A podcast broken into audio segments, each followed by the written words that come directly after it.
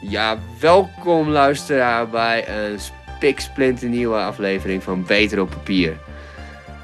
Dit is een samenwerking tussen eh, Hansemag, het blad van de Hans Hogeschool, als altijd. En natuurlijk Dat Mag, het online magazine voor de culturele ondernemer. En deze aflevering is een goede vriend van mij te gast. Max Nederkoorn, lobbyist, oud cultureel lobbyist, nu allround lobbyist. We hebben het over muziek, metal, Radiohead, Ramstein, fun facts over Ramstein, over muzieksnobisme, onze maatschappelijke bubbel waar we allemaal deel van uitmaken. Daarna gaan we vloeiend over in populisme en eh, politiek. En we eindigen met eh, een eh, persoonlijke ervaring intermezzo met psychologische aspecten over wie we zijn, wat we doen en hoe hoe we een beetje in elkaar steken. En Max eindigt eh, vanuit zijn line of work met wat tips voor de culturele ondernemer. En eh, wat die zijn, moet je toch even luisteren zelf. Eh, ik licht een tipje van de sluier en dat is stay connected. Enjoy deze podcast met deze goede vriend van mij. En ehm, vergeet ons niet te checken op Podbean, iTunes. Geef ons 5 sterren, YouTube, Soundcloud en Spotify. Thanks to my tech team, Erik Imtorn, Jasper Bosgraaf en Irie Weergaan. Check jullie later.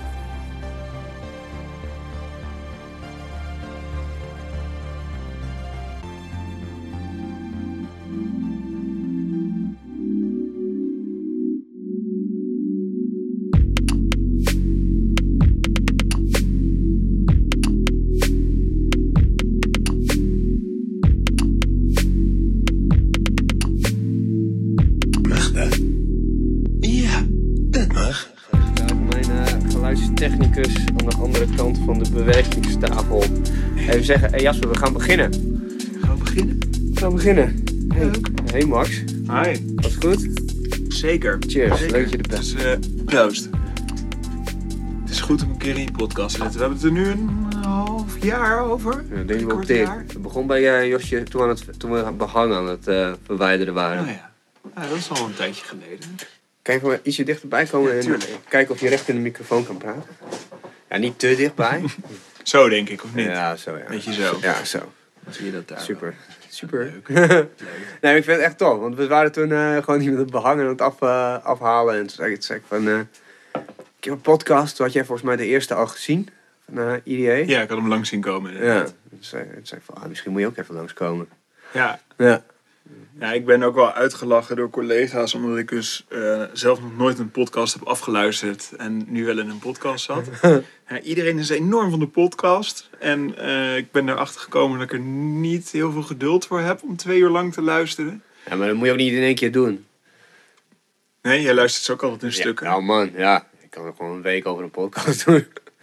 Misschien is dat eigenlijk een goede tip. Ik heb me wel deze week een beetje ingeluisterd in, eh, in eerdere podcasts. En ik was blij dat ik er één vond die, eh, waarbij die hetzelfde had. Ook nog nooit een podcast geluisterd. Ik geloof dat het Casper. Casper was. Ja. Ja. Dus ik zat in dat gesprek, toen dacht ik, ah chill, ik ben niet de enige die geen Ja, die zat ook echt zo van, nou ja, ik zie jullie altijd wel bezig en zo. Van, ah, die mensen zullen wel weten wat ze aan het doen zijn. Ja, maar ook op mijn werk, je hebt heel veel eh, de, de, de, de, de lobby-podcasts en eh, Politiek Den Haag-podcasts. En iedereen die die dingen echt verslindt. En iedere week een aantal van die podcasts. En ik denk, waar halen ze de tijd vandaan? Ja. zeggen, ja, als ik aan het schoonmaken ben of als ik aan het opruimen ben, dan eh, ga ik een podcast luisteren. Ja, tip. Ik, ik, eh, ik, ik doe hem meestal eh, als ik een... als- voordat ik de deur uit ga, zet ik hem al op. In plaats van muziek. Mhm. En dan ga ik lopen en dan ga ik, weet ik veel, fietsen. Met de bus of whatever. En dan in die bus. En op een gegeven moment dan ben je op je plek van bestemming. En dan ben je wel een paar keer geoutzoned. Maar als er iets interessants wordt gezegd, dan wordt, het toch al, word je altijd wel geprikkeld. Van, ah, oké, wacht even. hey, dit is vet. Ja. Ja. Ja, dat zal in dit gesprek ook wel zijn. Er zijn genoeg punten waar je kunt uitzonen. En eh, voor de rest zijn de dingen, wow, dit is vet. Ja, gruwelijk. Ja, daar gaan we voor. Voor die aandachtspannen die je eh, in één keer weer opbouwt. Want ik vind dat een, een van de mooiste eh, dingen eh, bij ons vind ik dat we elkaar ontmoet hebben. Dat was eh, in het eh, oude RKZ. Ja, klopt. En eh, eh, voor mensen buiten Groningen gewoon een dikke punkerhol. En we waren een beetje aan het kijken. En ik had via mijn vriendin gehoord van ja, wij gaan naar een, eh, over, over een week naar, eh, op Koningsdag naar een feestje in Amsterdam. En daar zijn vrienden van Josje bij. Dat is een Ja. vriendin van haar. En ik zei, oké, prima. Dus toen waren we, ik weet niet hoe we bij die oude RKZ waren beland. Zij had afspraken gemaakt met jullie, maar ik, ik wist dat niet helemaal meer. Zo van, oh ja, nee, laten we naar oude RKZ gaan. dus stonden we daar in één keer, jij met je vriendin. En ik vertelde, ik vertelde iets over een theaterstuk dat ik had gezien, volgens mij Carousel. Ja. En Ja. toen zei hij van, ah nee, dit had ik eigenlijk ook wel willen zien, maar ik lees wel de, de recensie van mijn pa Nee, wel. nee, ik was erbij. We waren toen allebei bij hetzelfde theaterstuk geweest. Oh, Dat was nog voor die band. Die band begon om 11 uur of zo. En Ja. het theaterstuk was er nog voor. Oh ja. We zijn toen vanuit die schouwburg, allebei, zonder dat we het ons van elkaar wisten, eh, eerst bij het theaterstuk geweest en toen bij die bandavond. Oh shit. Ik vertel het verhaal. En het, en het grappige was dat ook iedereen, nou ja, bij zo'n in zo'n punkhol er werd redelijk gedronken en zo. En eh, wij waren volgens mij de enige nuchter. Ja. Want ik had toen ook mijn, eh, een van mijn maanden niet drinken. Oh ja, jezus. En toen, toen hebben we inderdaad een hele avond staan praten over van alles en cultuur. En inderdaad ook over mijn vader die hier schreef, die dan weer jouw oud-collega is geweest. En die Jennifer Ja. dan weer geïnterviewd had voor eh, toen zij bij het filmfestival werkte. Ja, precies. Precies, dat was het. Want ik weet nog wel dat ik, dat ik vond zo dat ik een hele goed geplaatste grap had gemaakt. Zeg maar. Dat is achteraf, ik denk zo cringing. maar dat jij dan zo zei van ja, anders had ik het wel in een artikel van mijn pa gelezen, in het dagblad. En ik dacht van oké, wie is je pa dan? Jacques Dancona, weet je wel? Hij van, nee, Erik Nederkwak. No way, weet je wel. Erik heeft kinderen. en, deze, en, en die zijn bijna net zo oud als ik. What the fuck? Yep. Ja, Ja, nee, dat is een, eh, een feit. een eerste liefde op het eerste gezicht, was Absoluut. dat Theo. Ja. En nu zitten we hier. Hoe Ja. lang is het geleden? Nou, ik heb het nagezocht, twee jaar. Ik dacht langer. Twee jaar. Dat is twee jaar. Ah ja. Ja, want we zijn toen in 2017 naar een festival geweest. Ja, een meld. eh, ja, precies. Dat was eh, net daarna. Ja, leuk. En dan heb je maar ingelobbyd toen. Oh ja, daar heb ik je ingelobbyd. Nou, dat was wel, het was, werd een goed artikel. Ja, dat was een goed artikel. Toen, ja. eh, toen de tijd voor Sikkom had je een prima artikel over geschreven. Yo. Oké, dat is de bel. De tijd erop. Twee uur zit erop. Time flies. Ja. Maar, ehm Maar waar we het dus over gaan hebben vanavond, ehm, ja, ik had je al een lijstje gestuurd, hè, met allemaal onderwerpen. Zeker. Ja, het mooiste vind ik dat... eh, Oké, je hebt me dus erin gelobbyd dat ik naar Meld ging. Want het was echt zo, laten we daar beginnen. Jij bent een lobbyist. Ik ben een lobbyist. Ja. je bent er fucking goed in. Zo'n vieze lobbyist, ja. Dus ik, Ja. ik doe dat om mensen naar feestjes te krijgen, naar festivals te krijgen en eh, ook eh, gewoon voor een, voor een salaris. En ja, ik ben daarmee begonnen voor Buma Stemra. Daar heb ik een stage gelopen en eh, daar ben ik daarna blijven werken. En niet per se in de lobby daarna blijven werken, maar wel bij Buma Stemra. En eh, daarna ben ik, eh, ben ik echt het lobbyvak ingegaan. En eh, wat altijd het leuke daarvan is, is dat lobby een, eh, niet zo'n hele beste naam heeft altijd. Dus eh, wat je al inderdaad, wat je dan een beetje de grapjes hoort van ja, zo'n vieze lobbyist natuurlijk voor allerlei smerige zaken. Maar eh, ik kom er wel steeds meer achter, en ik was er eigenlijk al achter, want anders wil ik er niet in werken, dat het eigenlijk heel vaak enorm meevalt. Eh, we zitten heel erg aan de tech- en de duurzaamheidshoek. En eh, wat het eigenlijk is, is een hele sector weet het allermeest over hun eigen product. Maar weet heel vaak niet op welk moment ze met wie moeten praten om bepaalde regelgeving eh, zo aangepast te krijgen dat, nou ja, dat je naar de toekomst kan kijken. eh, dat er ontwikkelingen mogelijk zijn. Dat je eh, op goede recycling of goede privacywetten online of dat soort dingen. Eigenlijk is regelgeving loopt altijd achter op een sector. En ze weten eigenlijk niet hoe ze met elkaar moeten praten. En wij zijn eigenlijk een beetje die, die, die, die tussenlaag. Waarin wij eigenlijk alleen maar aangeven: oké, je moet eigenlijk op dat moment met die boodschap met die praten. En je moet die mensen meenemen die eh, eigenlijk het met je eens zijn. En op die manier eh, krijg je dat je nou ja, ook een politicus of een bestuurder uit kan leggen: hey, dit hebben we nodig, hier moeten we heen. Eh, we zijn nu hier en, en nou ja, geef ons dit. En omdat er heel veel verschillende partijen zijn die dat bij politici doen, kunnen zij best wel een goed beeld opbouwen van: oké, nou, dit is inderdaad eigenlijk wel wezenlijk, want we horen dit van alle kanten. En bij sommige punten denken ze: ja, nee, dit, eh, dit gaan we niet doen. Dus Heb, je, heb jij een concreet voorbeeld of niet per se eh, eh, iets, iets geheims?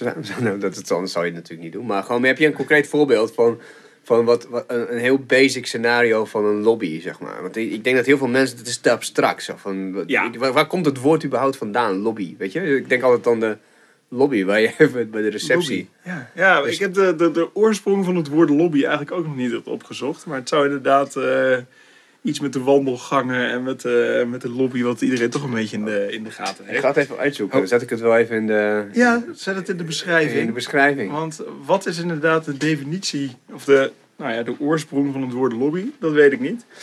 Ehm, heb ik een voorbeeld? Ik vind een voorbeeld. eh, Mag ook een- nou, ik kan een voorbeeld van een, van een eigenlijk een, een hele mislukte lobby eh, wel noemen.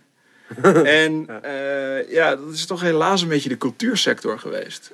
Ai, Ja, ai. juist inderdaad, omdat het nou ja, een beetje met de, met de verbindenis ook met, eh, met natuurlijk waar, waar dat mag mee bezig is. Eh, je hebt in 2011 natuurlijk, eh 2010, 2011, de enorme cultuurbezuinigingen gehad.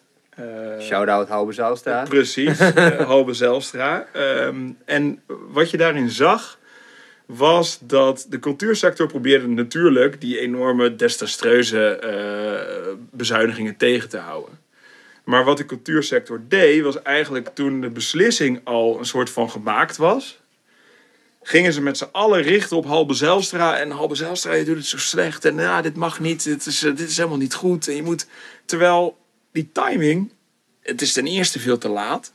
Want er was al echt wel duidelijk dat het eraan zat te komen. Het stond in het regeerakkoord, want ja, eh, de PVV zat in de regering, het CDA en de VVD. Eh, die vonden het met z'n drieën prima om in de tijd dat het economisch niet goed ging, eh, dat eerst ook bij de cultuursector te halen. Maar ehm, op dat moment moet je eigenlijk al bij de ambtelijke voorbereiding zijn. Want dit soort beleid, het is niet zo dat het een soort beleid bedacht wordt door Halbe Zijlstra en vervolgens eh, er in één keer uitgeknald wordt en we schrappen 200 miljoen in de cultuursector. Nee, er wordt een opdracht gegeven in een ministerie, in dit geval eh, OCMW, Onderwijs, Cultuur en Wetenschap, van hey, zoek eens uit, hoe gaan we dat doen? Dus die ambtenaren die gaan aan de slag, die beleidsmedewerkers die gaan aan de slag, die bedenken, oké, eh, we moeten zoveel gaan bezuinigen. Eh, hoe gaan we dat op poten zetten? Hoe gaan we dat uitzoeken? Nou, dan op dat moment, dan is eigenlijk een lobby het sterkst. Als je weet welke beleidsmedewerkers zijn ermee bezig, met wie moet je praten.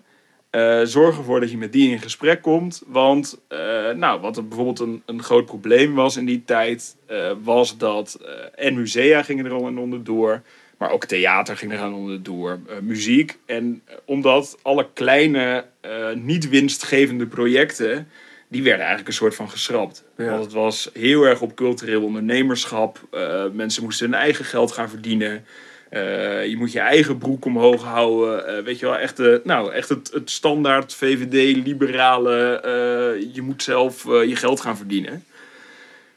Op het moment dat die hele sector toen een soort van de handen in één had geslagen en had kunnen hard maken, ook bij die voorbereiding. Ja, maar het is goed, maar bedenk dan wel dat als je het talent haal je eigenlijk weg. Want het talent, nou ja, dat weet jij ook. Je zit hier eh, goed in de culturele sector ingevoerd in Groningen. Ja, ja. Je ziet dat kleine muzikanten, eh, die spelen voor een paar tientjes in een café. Krat bier. Eh, voor een krat bier inderdaad, vaker nog.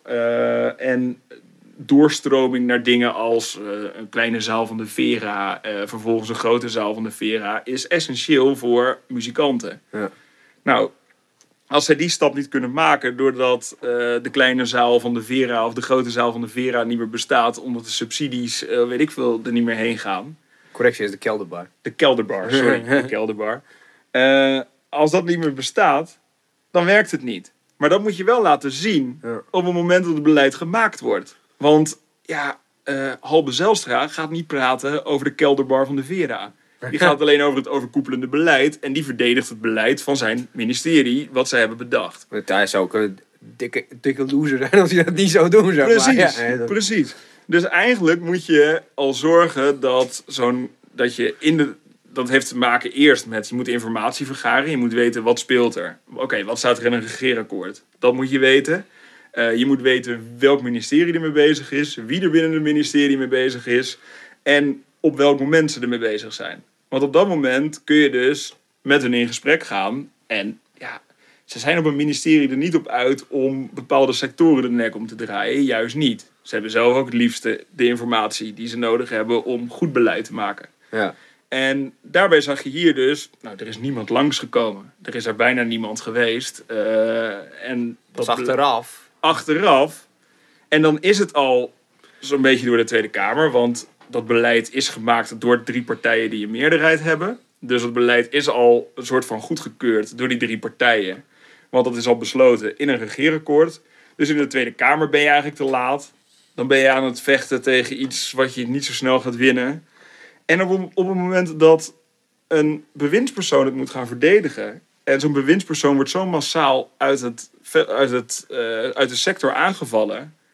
Dan merk je ook dat al die ambtenaren gaan er ook gewoon achter zijn bewindspersoon staan. Dat is gewoon hun baas. Ja. En als je baas zo direct wordt aangevallen door alles, nou, dan gaan ze echt niet nog dingen aanpassen zodat er dingen beter zijn. Nee, dan verdedigen ze ook dat beleid. Ja. Dus daarin zie je dat al die, die dingen als die, die, die mars voor de cultuur en eh, schreeuw om cultuur en dat soort dingen, dat zijn goede initiatieven geweest om daar aandacht voor te genereren. Alleen het is veel te laat. En eh, dat is een beetje het probleem van de cultuursector, denk ik ook. Dat het een, het is een enorm versnipperde markt. In de zin van eh, de muziek, de theater en de, de, museumsector is, zijn eigenlijk hele andere werelden. Het zijn ook mensen die niet verschrikkelijk veel met elkaar te maken hebben, normaal gesproken. Alleen op het moment dat die bezuinigingen kwamen, toen zag je, oké, nu kunnen ze opeens wel een soort van samenwerken. Maar die samenwerking daarin is denk ik veel te weinig geweest. En daarin denk ik dat, stel dat je nou echt een cultuurlobbyist zou hebben, die een soort van overkoepelend dat had kunnen overzien. Ja. Dan had je dus op tijd geweten wat er aan zat te komen. Had je op tijd geweten bij wie je had moeten zijn. eh, met welke boodschap je erheen had moeten zijn. Want ja, die hele bezuiniging had je niet zomaar weggehaald. Die had je niet zomaar van tafel geveegd. Maar je had wel kunnen kijken van... hé, hey, waar vallen nou de hardste klappen? Hoe kun je dat opvangen? Eh, hoe kun je ervoor zorgen dat er alsnog bezuinigd kan worden op de cultuursector? Maar dat er niet met een soort botte bel zoals er nu in gehakt is... eh, dat dat merken we nog gemaakt. steeds, toch? Dat, dat, dat effect van toen. Het is niet eens zo heel lang geleden. Maar Ja. Acht jaar geleden? Tien jaar geleden? Eh, ja, ja, het is acht, acht ja, negen, negen jaar geleden ongeveer inderdaad. Dat het echt, eh, ja, dat, eh, dat merk je nog steeds. En dat is wel pijnlijk. En ehm, dat heeft er inderdaad ook wel voor gezorgd dat er ook, denk ik, vanuit de cultuursector ook wel echt wel nog argwanender naar politiek is gekeken. Ja. Wat, wat natuurlijk zonde is. Ja, ik heb, mijn, ik heb ook mijn, eh, mijn scriptie. Ik heb een bestuurskunde master gedaan. En daarin heb ik mijn scriptie geschreven over dit beleid van Halbe Zijlstra. En dan de invloed op eh, de museumsector. Oh ja. En daarbij heb ik gekeken naar het ondernemerschap van Rijksmusea. Oh. Dus gekeken hoe, in hoeverre Rijksmusea eh, ondernemender zijn geworden door het beleid van Halbe Zijlstra. En zijn ze dat? Ja. Ja. dus eigenlijk is het wel goed geweest. Nee. Nee. Oké. Nou, zeg Ja maar, nee. het, is ja, de ja en nee, de, lekkere nuance. Ehm, het is goed geweest voor het ondernemerschap, maar ook, eh, ik heb eh, vijf eh, museumdirecteuren heb ik geïnterviewd. En die zeggen ook van ja, maar het probleem is, bij die Rijksmusea zijn de klappen niet zozeer gevallen. Daarin zijn vooral de eigen inkomstennormen enorm opgeschroefd. Ze moesten opeens eh 17,5% eigen inkomsten halen. Dat klinkt niet zoveel. Ja. Maar als je een rijkscollectie beheert, is dat nog best wel een aanzienlijk bedrag. Want je hebt niks nieuws om eh, mee te shinen. Precies. Ja, ja. En, en je moet dus toch zorgen dat de kaarten verkocht blijven worden en eh, dat je heel veel sponsoring krijgt. Maar wat zij heel erg hebben gezien is, eh, oké, het is voor ons op zich wel goed geweest, maar echt in die museale sector zijn enorm, enorme klappen gevallen. En wat je krijgt is dat er Rijksmusea zijn geweest die eh, zo commercieel zijn gaan denken dat ze op dit moment er last van hebben omdat ze de subsidies kwijt dreigen, dreigen te raken. Omdat de Raad voor Cultuur zegt... Ja, maar dit zijn eigenlijk helemaal geen museum meer. Omdat ze namelijk zoveel ver, zaalverhuur hebben gedaan. En eh, Oh, weet je wat dat soort nazi's. dus, maar dat soort, en, en, nou ja, dat soort dingen vind ik heel interessant aan beleid. eh, is dat je, en dat, dat zie ik in mijn werk ook wel veel eh, bij zaken, dat je je maakt beleid en je denkt er iets mee te bereiken. Maar vervolgens heeft het zoveel neveneffecten waar op het eerste ogenblik niet over nagedacht is. En dat is eigenlijk waar wij ook heel vaak mee bezig zijn. Is oké, prima dat je dit wil. Maar in deze specifieke sector zorgt het ervoor dat je, eh, nou ja, zoals dit geval, inderdaad, dat iemand zijn musea-status kwijt kan raken. Omdat zij juist ondernemend zijn geworden, omdat je van het beleid ondernemend moet worden. Ah, ja. en, en dat zijn heel vaak een beetje die, die, die mazen in de regelgeving. Nou ja, waar ook dit soort organisaties ook wel hulp bij nodig hebben om te kijken van... hé hey jongens, hoe werken die processen en eh, hoe zorgen we ervoor dat het opgelost wordt?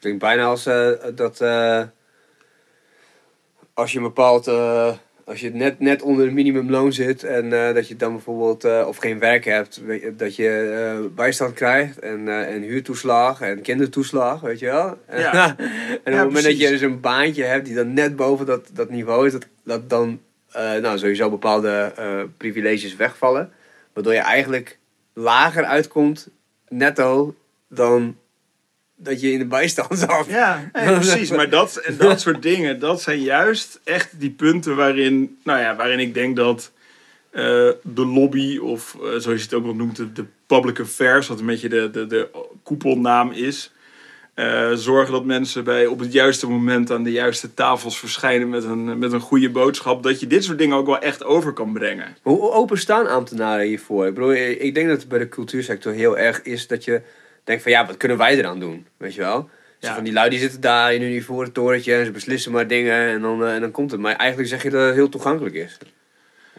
Nou, dat is ook wel een beetje het, het, het grappige wat ik constateer. Kijk, eh, zij willen graag input. Zij willen vaak graag input om het beste beleid te kunnen maken. Alleen, het is voor hun heel lastig om te bepalen eh, wie ze binnen een sector moeten hebben, heel vaak. En het is voor een sector heel erg lastig om eh, te weten bij welke ambtenaar moet je nou zijn. Eh, Bel maar eens met een ministerie en probeer maar eens eh, de juiste ambtenaar aan de lijn te krijgen die precies gaat over dat ene specifieke puntje waar je dan een probleem mee hebt. Maar is het dan En- zo, zo is het, oké, misschien is dat heel naïef van mij om te denken, maar is het dan zo uitgewaaid dat er zoveel mensen over specifieke punten gaan? Ja, ja, het is wel, want je hebt, nou ja, binnen ieder ministerie is weer opgebouwd uit, je hebt meestal twee bewindspersonen, een minister en een staatssecretaris. Daaronder heb je weer een aantal directies en die directies die zijn weer vrij breed. En binnen die directies heb je dan eh, nog weer clusters waarbij de mensen over bepaalde, en je hebt ook hele specifieke mensen bijvoorbeeld die echt over museumbeleid gaan. Ja. En ook die dan dus met zo'n bezuiniging bezig zijn, alleen op het punt van musea. En die werken dan weer samen met degene die bezig zijn met muziek. Ja, ja, ja. En je moet dus maar precies weten wie je ergens daar op het beleidsniveau moet hebben. Wat ergens onderaan de piramide zit. eh, om met die, in die beleidsbepaling bezig te zijn. Gruwelijk. Mhm. Dat is echt, de, dat, dat is echt, dan raak je echt verdwaald in de bureaucratie op een gegeven moment. Ja, en ik denk dat dat... eh, ja, en ik ben dus de gids in de bureaucratie. Ah. Ah, heerlijk. Ja, die kun je er dan ingooien. Nee, en dat, en dat, en dat heb ik bij Buma Stemra ook wel heel erg gemerkt. Dat, kijk, Buma Stemra heeft ook geen hele beste naam. Ook niet binnen de culturele sector. Eh, er zijn nou ja, gewoon best wel veel problemen mee. Ze komen heel vaak slecht in het nieuws. En het is natuurlijk een 110 jaar oud instituut, wat ook nog een beetje opereert als iets wat een 110 jaar oud is. Namelijk een soort van oude mastodont, waarbij het voor eh, heel veel muzikanten en tekstschrijvers en songwriters heel lang duurt voordat ze hun geld krijgen.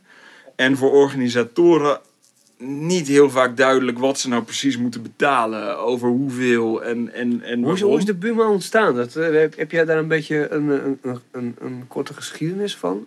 Of, eh, Nou, het is opgericht in 1913, geloof ik, al. Oh, jezus, Eh, en, en wat echt het idee is geweest, is ehm, dat je de, de, de schrijvers van de muziek, dus de, de eigenaren zeg maar, van het eh, intellectueel eigendom, dat die zich collectief verbinden, zodat ehm, nou ja, zodat er ook collectief geld ingezameld kan worden, zodat iedereen dat ook krijgt. Het is natuurlijk heel moeilijk om eh, zelf achter je eigen liedjes aan te jagen. Ja. Eh, stel dat jij hebt een heel mooi liedje geschreven en Marco Borsato gaat dat zingen in de, in de Ziggo Dome. Ja. Dan is het best wel lastig om eh, daar zelf achteraan te rennen en precies te weten wie wat waar gespeeld heeft. Nu is dat nu dus een stuk makkelijker dan dat het natuurlijk 100 was. jaar geleden ja, ja, was. Ja, tuurlijk. Ja, toen was er niet eens... Ja, toen had je de telegraaf. Kon je elkaar nog even telegrafen. Ja, precies. Zo met zo'n eh, ja, morsecodes en, eh, en dat soort dingen. Marco Borsato Ja, speelt je nummer weer. Ja, die is ook al 100 jaar bezig. Toch? Die schrijft ook al 100 jaar muziek. Gast is echt zo'n lizard people. Ja, precies. Ja, ik heb eh, één keer een liedje van jou in de hand gehoord. Dat was eh, Don't Put Your Butter in the Pan, toch? Ik Ja, ja, dat, eh, klopt, ja. Dat dat wel een, een nummer is die er zou gaan. Nee, maar en dat, en dat idee is natuurlijk op zich prima. Alleen met de komst van internet, met alle snelle technologie die je op dit moment hebt, zijn ze gewoon een beetje traag bij Buma. En hangen ze er ook. Zitten, ik, ik merk ook binnen die organisatie, het, het, het vernieuwt zichzelf niet zo snel. En ze willen het wel. En ze willen het echt wel graag. En ze willen ook wel graag zo snel mogelijk al die makers geld geven. Alleen, ja, het is stroperig. Het is ook bureaucratisch. Het is daar ook, bij wie moet je zijn? Eh, het moet langs vijf loketten voordat je eindelijk ergens bent. Het duurt anderhalf jaar voordat je je geld krijgt. Hoe kan dat? Hoe kan dat? Ik bedoel, we hebben toch wel nummers als Buma en mijn zak. Ja, ja dus ze krijgen het wel. Nee, ze krijgen het uiteindelijk wel. Maar die Buma komt pas heel laat in je zak. Van, joh, Ja, ja, maar, daarom, maar daarom zijn ze ook zo blij, maken ze er een nummer over. Precies. Ja, ik bedoel, als, als ik opeens eh, mijn salaris na anderhalf jaar zou krijgen, zou ik er ook blij mee zijn. Ja, precies. Mm. Ja, maar hoe dat komt is ook omdat het, nou ja, waar we het net al een beetje over hadden, die bureaucratie, die zit in dat soort oude semi-overheidsorganisaties ook gewoon heel erg ingebakken. En eh, het duurt heel lang omdat je via allerlei verschillende lagen moet om iets aan te passen. Eh, er staan ook dikke controles op door toezichthouders en dat soort dingen. Dus er is niet zo heel snel wat aan te pakken. Eh, een paar jaar geleden dachten ze, oh, blockchain is de shit. Gooi gewoon alles in de blockchain en Ja. Buma is eigenlijk niet meer nodig. En eh, misschien kunnen we dat zelf wel faciliteren. Ja. Maar Ik heb nog zo ge- geïnvesteerd in zo'n in zo'n project. Het is nog steeds gaande trouwens. Tune heet dat. tune, Ja. ja. Nee, maar- eh, is, ja, een soort van Spotify. Alleen dan dat het gelijk weer... Kon je in de, in de smart Ja. contract zetten van wie wat kreeg en whatever. Maar goed, je moet toch altijd een middleman misschien met dit soort dingen hebben. Ja, ja, en Buma probeert inderdaad heel erg die middelman te zijn. Maar wat ik bij Buma het mooie vond, is dat inderdaad, nou ja, wat ik al zei, het heeft niet zo'n hele goede reputatie. Maar als je daar binnen gaat kijken, het zijn allemaal muzieknerds. Ze houden echt allemaal eh, met hun hele hart van die, van die hele muzieksector. En ze willen ook echt heel graag goede dingen doen. En ook daar, eh, ik heb dus een half jaar daar op de, de public affairs, dus op de lobbyafdeling gewerkt. En daarbij was het ook echt vooral ook gewoon voor de hele eh, muziekindustrie lobbyen. Ja. En wat ook heel veel mensen niet weten, is dat Eurosonic Noorderslag is een initiatief van Buma Stemra. Ja, ja, ja. En eh, ADE is opgericht door Buma Stemra. Dus ook dat soort dingen doen ze heel erg om de muzieksector in Nederland bloeiend te houden en om groot te maken. En daarin zijn ze heel erg goed. En ze zijn ook heel erg goed omdat mensen er dus inderdaad echt van muziek houden. Alleen, het is gewoon echt zo stroperig. Maar hoe komt dat? Hoe, hoe- waarom is het zo stroperig? Ik bedoel, je zou bijna denken van... Oké, we hebben toch een hele nieuwe generatie aan wij. Mensen zoals wij, die net Mhm. afgestudeerd zijn.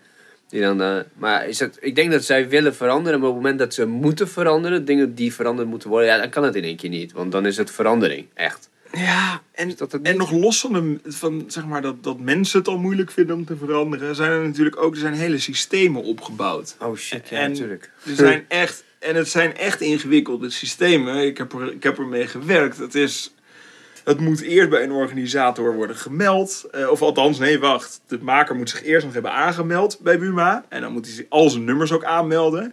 Oh. Vervolgens moet het allemaal bij een organisator moet het opgeven. Die moet ook laten weten wat er precies gespeeld is, door wie. Eh, dat moet aan elkaar Oké, dat, is al- dat, dat klinkt al als een fail, zeg maar. Precies, ja. dat, en dat, dat duurt gewoon lang. En dat is denk ik ook een beetje het probleem van die organisatie. Eigenlijk zou je dus dat, dat deel, zou je gewoon, als, als, dat, als mensen, ja, of in ieder geval café-eigenaar, zou eigenlijk in een soort van Spotify moeten zitten.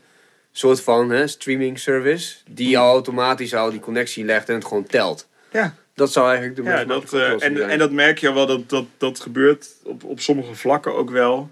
Maar je merkt dat het soms inderdaad toch lastig is om, eh, om die directe koppelingen te maken. Ja.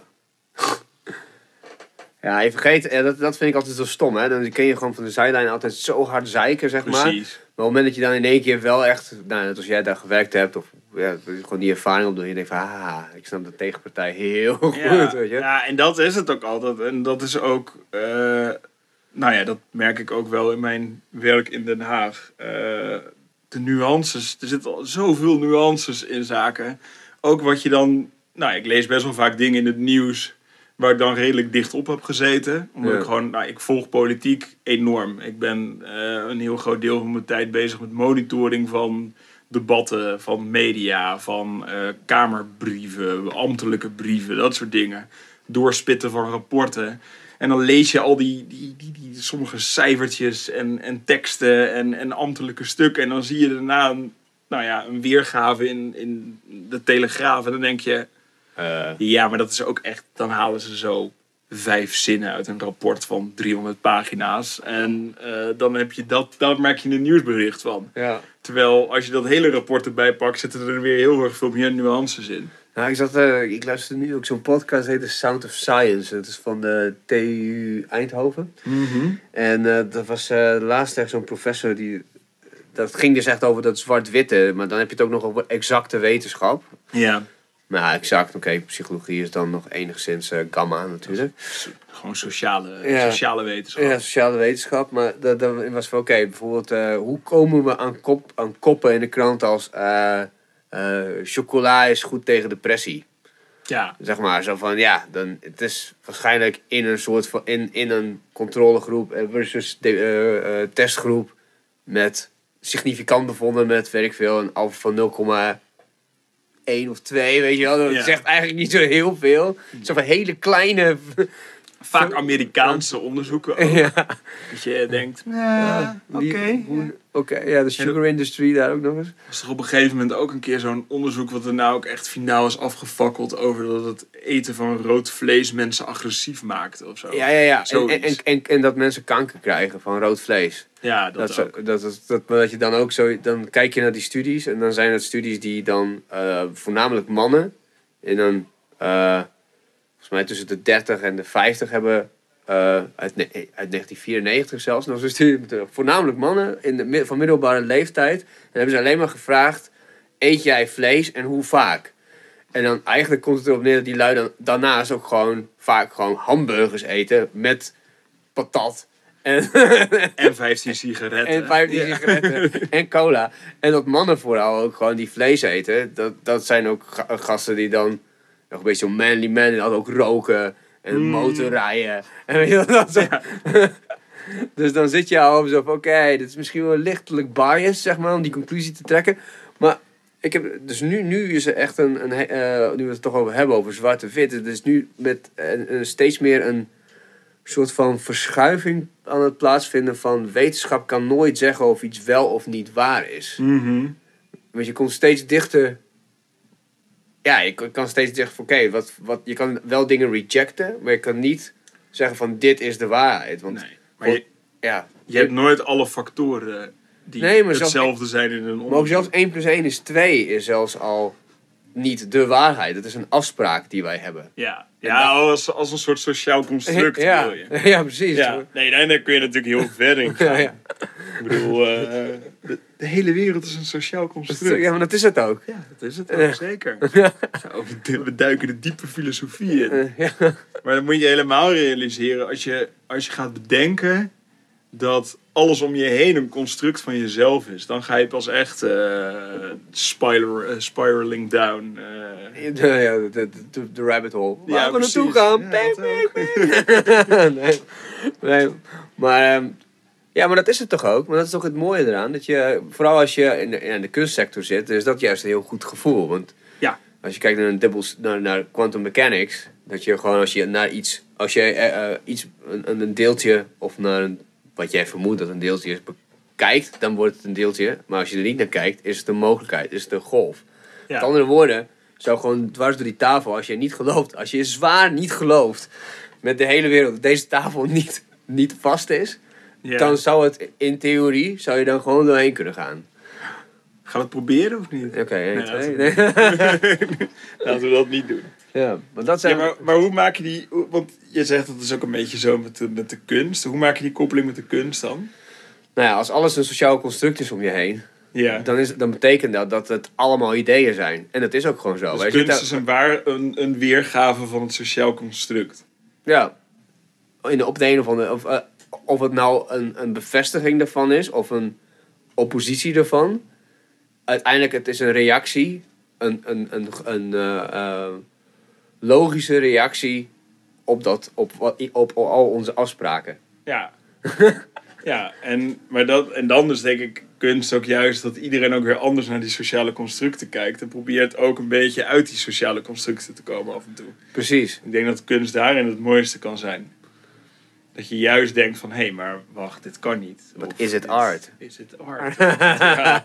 Oh ja, dan, dan moeten we het weer gaan hebben zeker over wat is kunst. Ja, nee, hoeft niet. Nee? nee we, we hebben in onze appgroep eh, wordt het toch vaak Ja. gezegd. Ja, Van, word, je er boos bo- van word je er boos van? Als je er boos van wordt, is het kunst. Maar ja, is het dan met muziek ook zo? Word je er boos van? Nou ja, bij jou is dat denk ik wel zo. Als je nou al je Slayer en je... Ja, ik word er niet boos van. ik, word boos, ik zou boos worden als een Slayer in één keer een keyboard erin zou gooien. Gewoon als eh, Slayer naar het eh, Eurovisie Songfestival sturen. want, ja, eh, ja, dat, maar, dat- ja, maar dat kan nog wel kunst worden, zeg maar, als Slayer zichzelf blijft. En- Zoals Lordi van Finland toen. Ja, maar dat was meer een gimmick, heb ik het idee. Ja, dat denk ik ook. Ja. Maar is Slayer dan niet inmiddels ook een beetje? Nee, Beledig come on, niet fucken nou.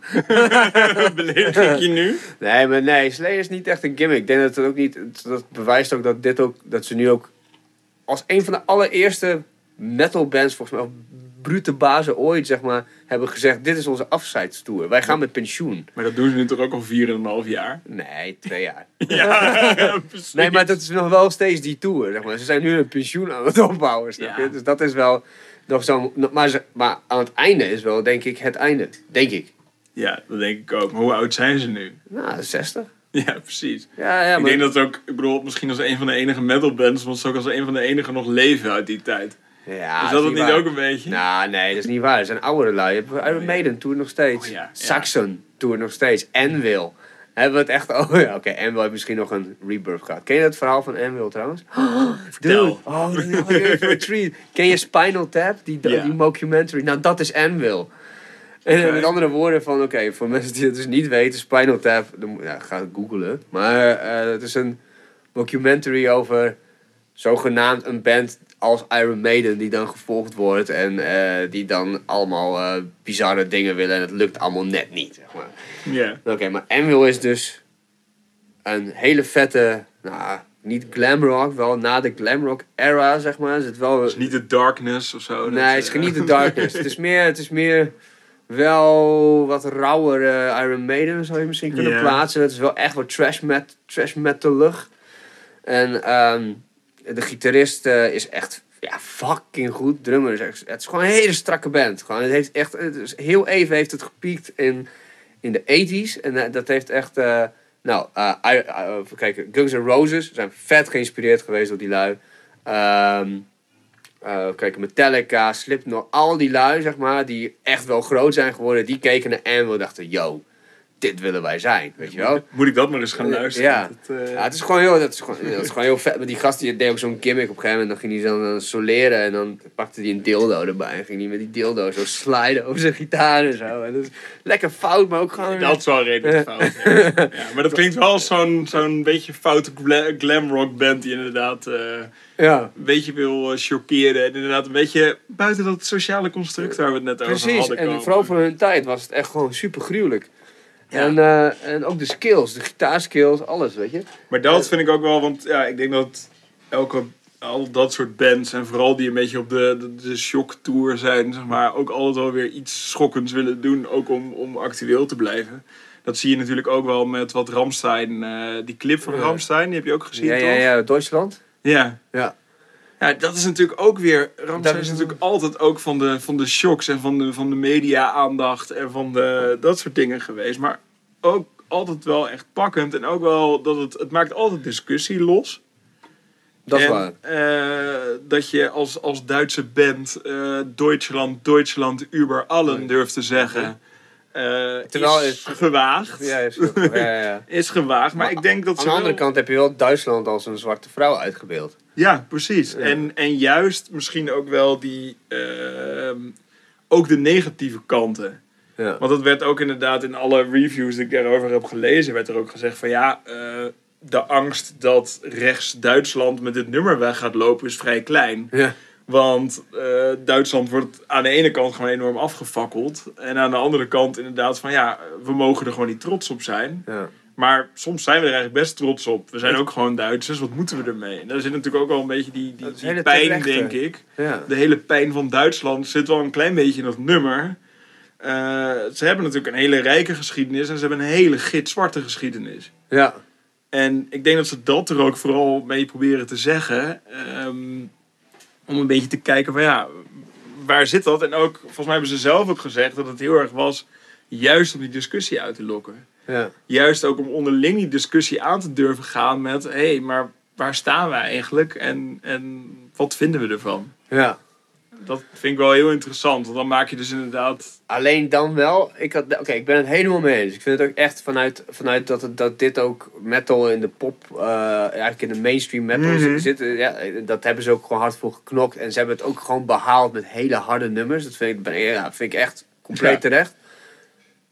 Maar uiteindelijk als ik er naar luister, dan hoor ik het. Dan vind ik het een beetje vet. En dan stoort het me dat het toch weer gewoon te poppy is of zo. Ja, zeker de laatste twee albums. Ja, ik heb nu vandaag, die, de, vandaag is een nieuwe uitgekomen Ja, trouwens. ja, ja, ja.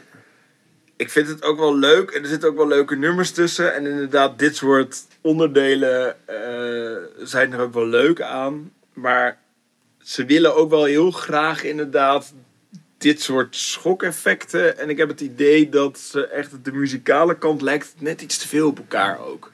En dat vond ik... Het was, vroeger was het gewoon nieuw, weet je. Het was gewoon het randen. En het ging ook gewoon wam, wam, wam. Weet je, het was ook gewoon blokken die zo toef, toef, toef op je afkomen. Maar dat, En, en, en, en, maar dat randje, kijk, als we dat weer zouden doen, zou ik het echt te gek vinden. Weet Ja, je, Prodigy deed het eigenlijk ook al tot hun laatste plaat. De laatste plaat was dan wel redelijk kut, vond ik. Maar, de Prodigy Prodigy niet deed... meer geluisterd ook. Nee, dat moet je, ja, moet je niet doen. Maar het is gewoon die, die, de, de- maar de, tot de laatste plaat deed de Prodigy wat de Prodigy altijd deed. Ze kwamen hun belofte na. Ja, Daarvoor ging je er naartoe. beuken. Ja, ja, precies. Beuken. Beuken en hard Ja, ik beuken. heb ze dus nooit live gezien. Ik ben op zoveel festivals geweest, bij zoveel concerten en nooit Prodigy. Oh, en nu is het een beetje laat. Ja, te laat. Want te laat eh, gelobbyd. Maar dat vind ik, en dat vind ik wel mooi, maar dat vind ik aan Ramstein wel weer vet. Dat ze, ze hadden natuurlijk, nou, ze hadden volgens mij een paar platen. En er werd ze steeds verweten dat ze zo overkwamen alsof het echt nazi's waren. Ja, eh. Omdat ze, het zijn, het zijn gewoon echt Oost-Duitse metaal, metaalbewerkers.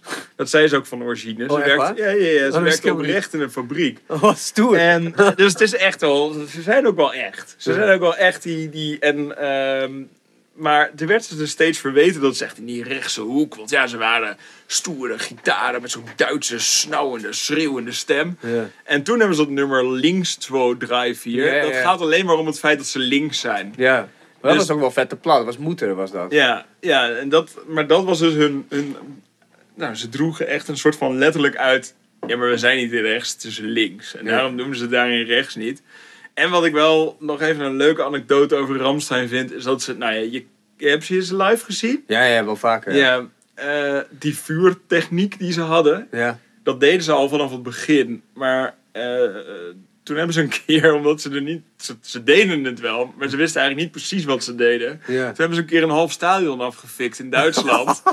omdat ze een vlammenwerper een beetje verkeerd hadden gericht. Oh shit. En eh, toen mochten ze dus in Duitsland nergens meer die techniek doen. Totdat ze zelf allemaal gediplomeerd waren als pyrotechnician. oh shit. dus ze hebben allemaal de pyrotechnician opleidingen van gedaan. VCA Plus. Moet je... Zodat je gewoon, ja precies, om de veiligheid in die stadions ook te kunnen, kunnen waarborgen. Want ah, echt, die, die gasten die schieten ook raketten over het publiek. En je, je staat er ongeveer te zweten de hele avond. Ja, dat is waar. Je moet niet helemaal vooraan gaan staan. Nee, dus ik heb ze één keer in Duitsland gezien. Dat Ja. was wel echt redelijk vet. Ja, ja, ja, vat. Ja, ik, nee, ik heb zo'n Pinkpop gezien, eh, sowieso een keer. Ik weet niet, was de tweede keer, kan ik me niet herinneren. Ik heb ze twee keer gezien. Maar toen was ik echt nog een broekie. Toen eh Pinkpop 2000 of zo. Oh, toen was je 12? Nee, nee. Ah, ik dat dacht, was, ik geef een compliment. eh, ja, nee, 16 of zo. Ja, zoiets. Maar ik weet nog wel dat, dat, dat ik dus daarvoor, was volgens mij voor het eerst ook echt heel stoned. dus dat was al een aparte, aparte Pinkpop. Ja, dat was wel een bijzondere, Maar toen- bijzondere Ramstein ook. Ja, bij de Ramstein was de afterglow, terwijl bij, bij System of a Down had, was, ik had, ik had wel eens joints gerookt, maar ik, maar ik had daarvoor, dat heb ik nog nooit in een pijpje gedaan, zeg maar. En in een Ja. pijpje zit, voel je niks aan je strot, dus je bent maar aan het lurken van, ja, er gebeurt niks. Dus Maar System of a Down is ook wel een goeie. En daar ben ik ook het- eh, ja, ja, dat was wel een goede trip inderdaad. Het is een van de meest, de meest grootste bad trip ever, zeg maar. Ja, daar is dat is midden maar, maar ik vind System of a Down ook zo'n band. Het is gewoon... Ja, ze hebben natuurlijk ook al 15 jaar niks uitgebracht.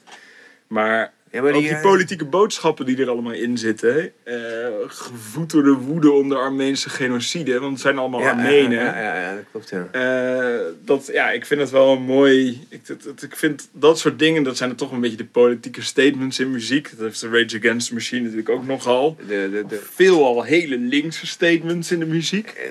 Rage Against the Machine is toch wel echt het voorbeeld van commerciële communisten, zeg maar. I know. I know. We haten iedereen die kapitalist is, maar we verdienen fucking veel geld. Ja. En we jatten nummers van Urban Dance Squad. Yeah. Ja, nee, precies. Ja, tuurlijk. Het is, en dat soort dingen is ook, eh, wat je dus straks ook al zei, het is allemaal ook wel een beetje een gimmick. Ja. En ik denk dat dat in de muziek ook wel. eh, Maar als die gimmick heel goed is. bij je past, dan, is dat, dan maakt het niet uit. Zeg Ja, maar. of als een gimmick gewoon vermakelijk is. Ja. Ik bedoel, ja, het hoeft niet eens. eh, Kijk, ik ben het echt niet eens met alle, alle teksten die een System of a Down of die een Rage Against the Machine of die een Ramstein uitkramen. Maar het zijn wel een soort van. Oké, het is wel vet. ja, dat is wel vet. Ja, en ze bouwen wel een soort van verhaal op. Nou, dat is nog steeds als je dan Ik gewoon... het gewoon meeschreeuwen, dat is ook wel lekker soms. De grootste, de grootste, de aller, allergrootste disappointment ever is gewoon... Nou, ik, ik weet niet, als, als, als puber dan kies je soms een partij, hè. Zo van, daar ga ik alleen maar luisteren, dit is mijn band, weet je wel. Ja. En dan had ik met Metallica. Ik had Metallica helemaal omarmd. Zo van, dit is mijn band. Al die cd's gebrand. Elke dag alleen maar Metallica. Misschien wel Brand, niet eens gekocht. Niet eens gekocht, ja, geen geld. Geen geld, wel honger, weet je. maar ehm, goed, eh, nou, gewoon, die cd, gewoon al- luisteren, gewoon naar platen houden. Dus tussen, tussen de middag, gewoon de echte cd ook gewoon weer Ja. luisteren. Gewoon helemaal dedicated, dedicated shit. En dan, op een gegeven moment dan ga je andere dingen luisteren. Dan kom je op Motorhead uit en denk je van, hé, hey, dit is verdomde veel gejat. Zeg maar. dan kom je bij Slayer, Pantera, dat soort dingen. En dan denk je van, oh, oké, oké, wacht even. Metallica is nog steeds wel vet, maar dit is echt wel heel hard en veel beter. eh, In veel andere opzichten. En dan komt Metallica met vanaf Sint Anger, zeg maar, dat je, dat je kan ze ook gewoon niet meer verdedigen. Nee, En het is alsof- echt, echt een onverdedigbare band. Ja, dat Ja, ik heb zo, ze in, zo slecht. ik heb ze Ja. in 2014 op Rockwerchter gezien. Ze hadden een systeem met dat je kon stemmen van tevoren welke nummers ze gingen spelen. Dus je kunt op internet kon je aangeven als fan waar ze, wat ze moesten spelen. Nou ja, oké, tot daar aan toe. Ja, dat is op doe zich wel leuk. Dat is, dat is leuk Dat- om in ieder geval dat ze geen nieuwe nummers spelen. Dat, dat kan inderdaad. Maar toen kwam er de laat, het laatste nummer, dus de afsluiter van de set, werd bepaald doordat je per sms moest stemmen terwijl je op het veld stond. Ja, dikke doe je Dus het was echt een soort van alsof je naar Idols zat te kijken en of je op Jim of Jamai moest stemmen, maar in dit geval moest je stemmen op, op welk nummer. Oh, En iedereen kiest ook een kutnummer op zo'n veld. Want je staat op een festival die alleen maar Ja, het was. En ze speelden zo inspiratieloos. Het was echt gewoon. van- het dat is echt een gimmick geworden. het moet gewoon. Nee, het is gewoon geld. Ze willen gewoon geld. En ze staan nu volgens mij weer in de arena. Ergens over een paar weken. En het is gewoon, oké, we spelen onze solo's en eh, we zingen wat. En daarna is het, eh, ah ja, kom, we gaan weer naar huis en we hebben een dikke zak geld. Ja, Dat is ja. wel- ik snap wel dat je teleurgesteld bent. Ja, het, is, het, voelde, het voelde echt alsof eh, nou ja, je eerste vriendinnetje voor je neus vreemd gaat, zeg maar. En toen ging mijn tweede vriendinnetje voor mijn neus vreemd, namelijk de Red Hot Chili Peppers. Oh, ja, dat is ook niet zo best meer. man, oh, het is ook echt ontzoom kotsen. Ik heb het echt geprobeerd, jongen. Ik heb het echt geprobeerd. Gewoon, hoe kun je van Blood Sugar Sex Magic, gewoon wat...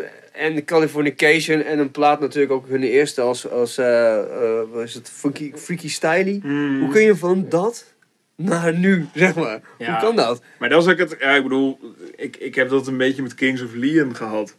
Dat was wel echt toen ik, nou, ik denk 17 was, 18, 19, vond ik het echt vet.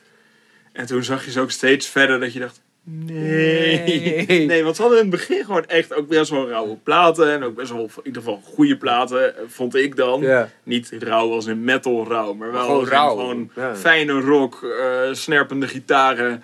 Net zo'n stem waarvan je denkt, nou, ik irriteer me er af en toe. Of ik erger me eraan, sorry. Eh, en, maar alsnog, ja, het is wel... Dat raakt wel snaren. Goed, ja, precies. Maar dat is het ook. Muziek moet je ook een beetje raken. En als je dan merkt dat... Ik ben helemaal niet zo'n zo'n zo'n hipster dat ik denk... Oh, het wordt nu commercieel. Nu wordt het kut. Ja. Maar wat het vervelende is... Dat als het commercieel wordt... Moet iedereen het leuk vinden. Ja. En je hebt die, die, die hitformule muziek die er nu heel vaak in zit. Dan denk je van ja, het, inderdaad, er is in principe niks kuts aan.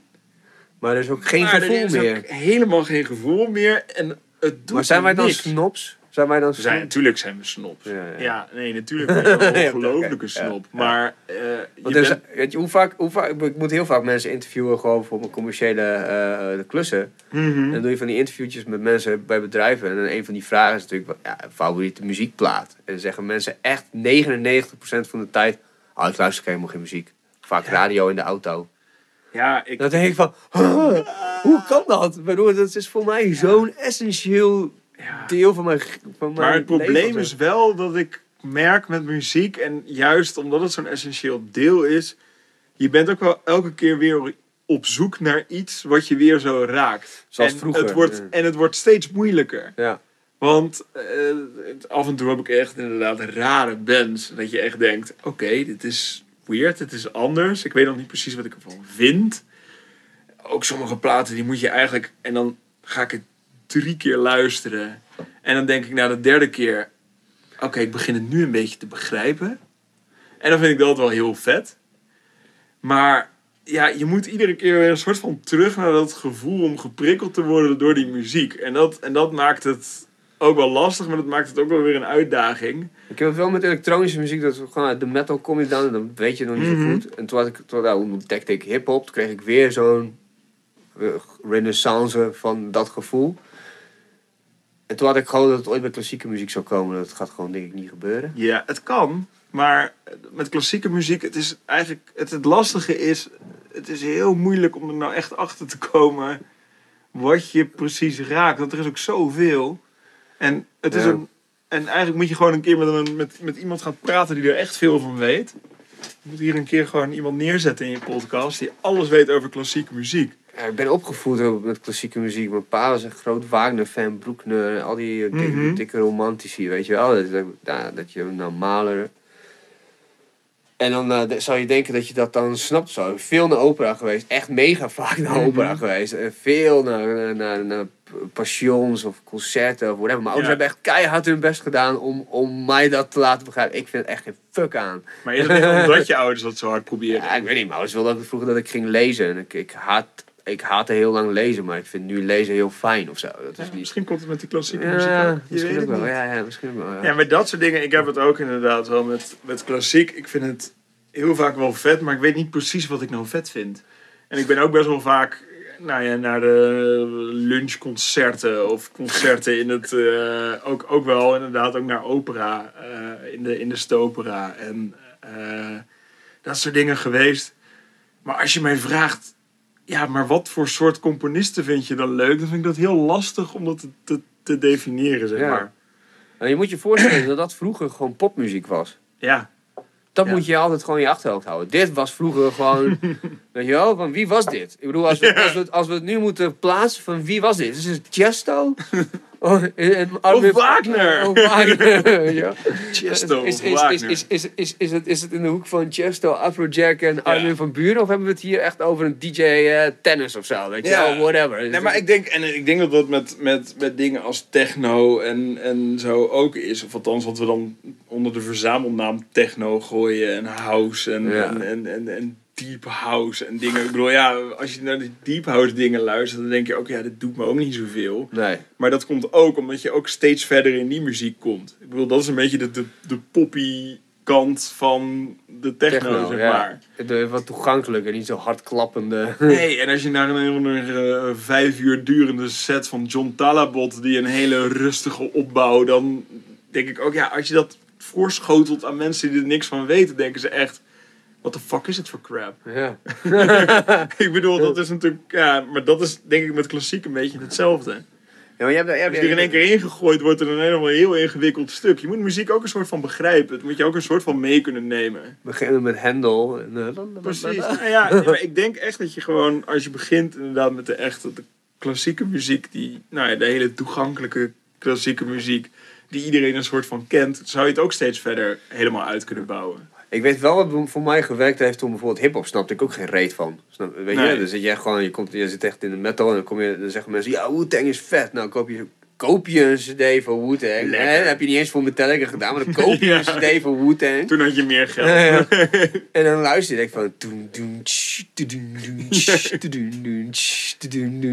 Ja, de fuck gaat het over? Ja. gewoon, waar is de riff? Weet je?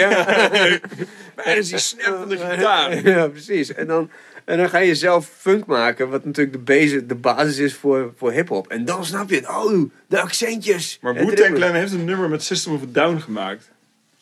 Ah, Ik weet wel dat eh, System of a Down, eh eh, Shame on a. Nigger, Ja, dat is met Wu-Tang Clan, toch? dat is niet gewoon een cover? Ja, maar volgens mij met hun ook. Dat weet ik niet zeker. Ja, Moet je eens opzoeken. Dat is een van je google ja, ja, ja, maar ik, ik ken het nummer. Ja. Ja. Volgens mij is dat met hun.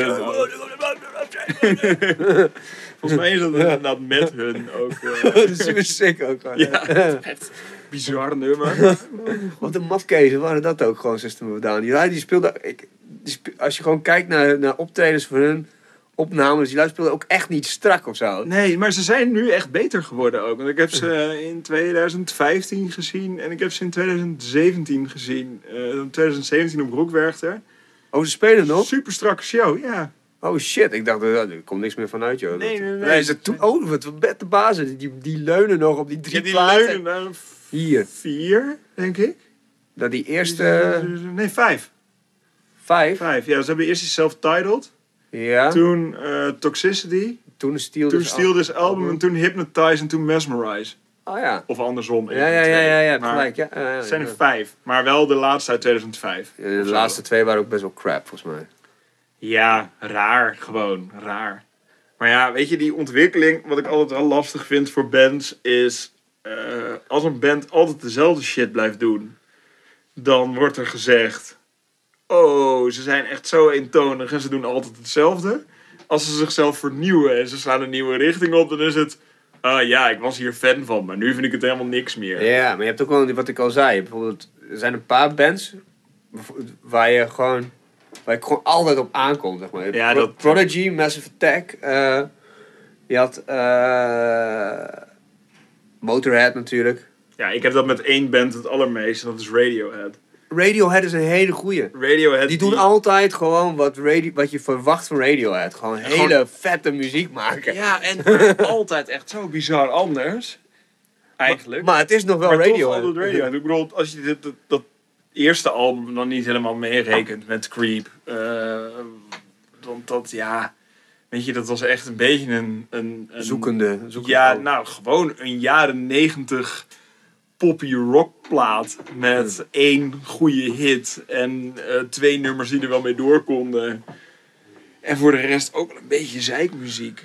Maar daarna komen ze met de bands. En de bands is natuurlijk gewoon echt een, een jaren negentig rockplaat. Zoals je van die tijd gewend bent. Met, waar echt nog steeds best wel vette nummers op staan. Gewoon eigenlijk hele vette nummers.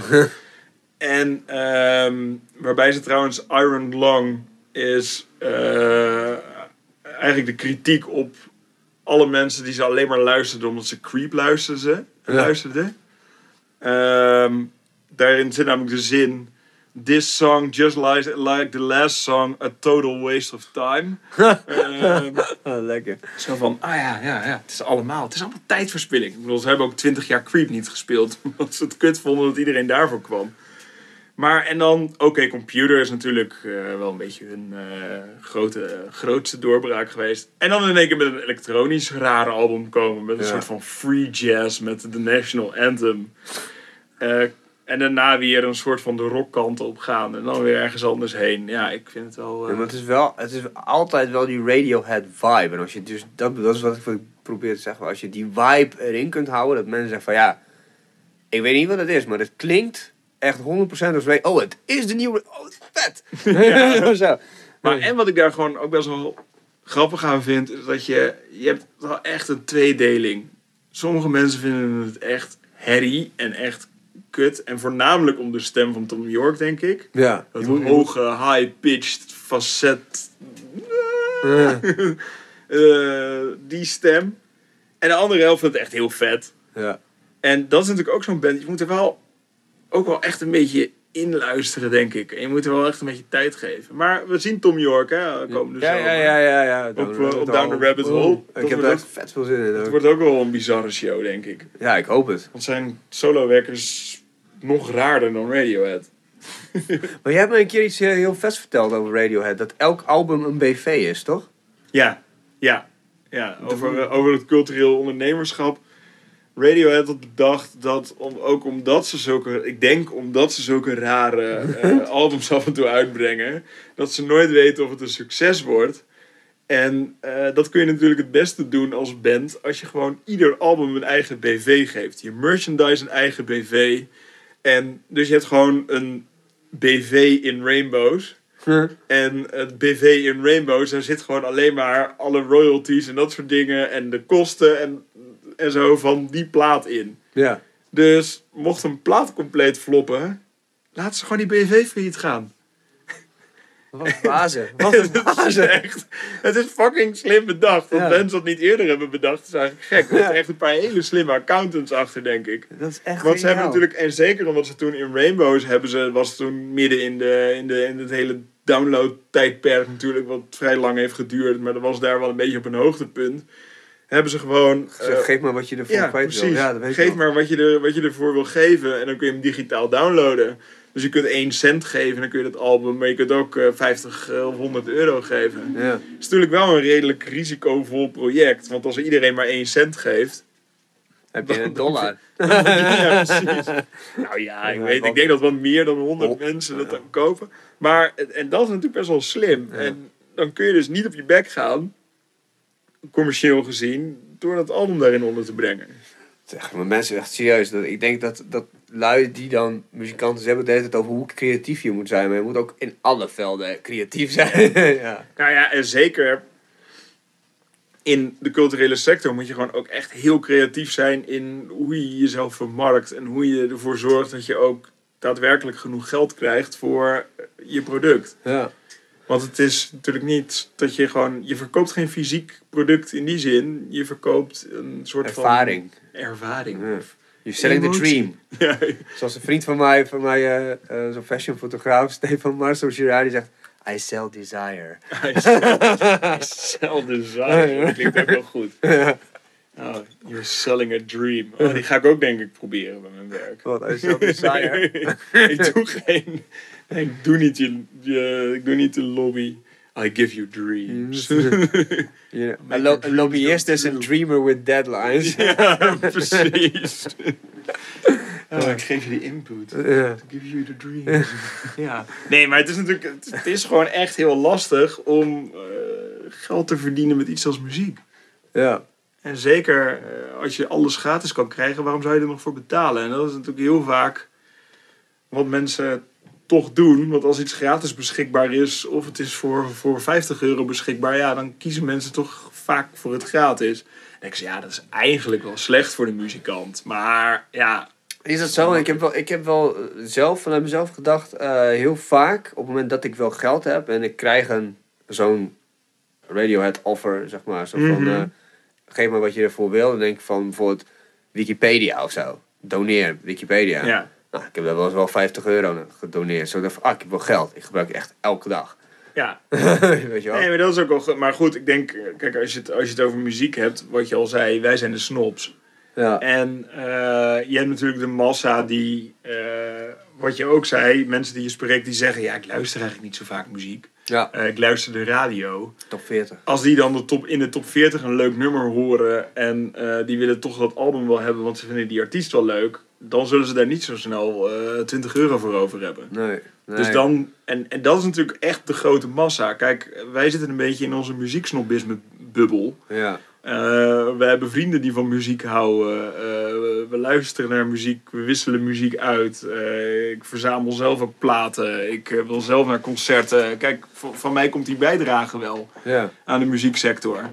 Maar de grote massa doet dat natuurlijk niet. En dat is natuurlijk af en toe best wel lastig om te zien. Want ook in al onze sociale media, het lijkt allemaal zo uitgebreid. Ja. Maar toch zitten wij heel erg in die cultuur-elitisme bo- eh, bubbel.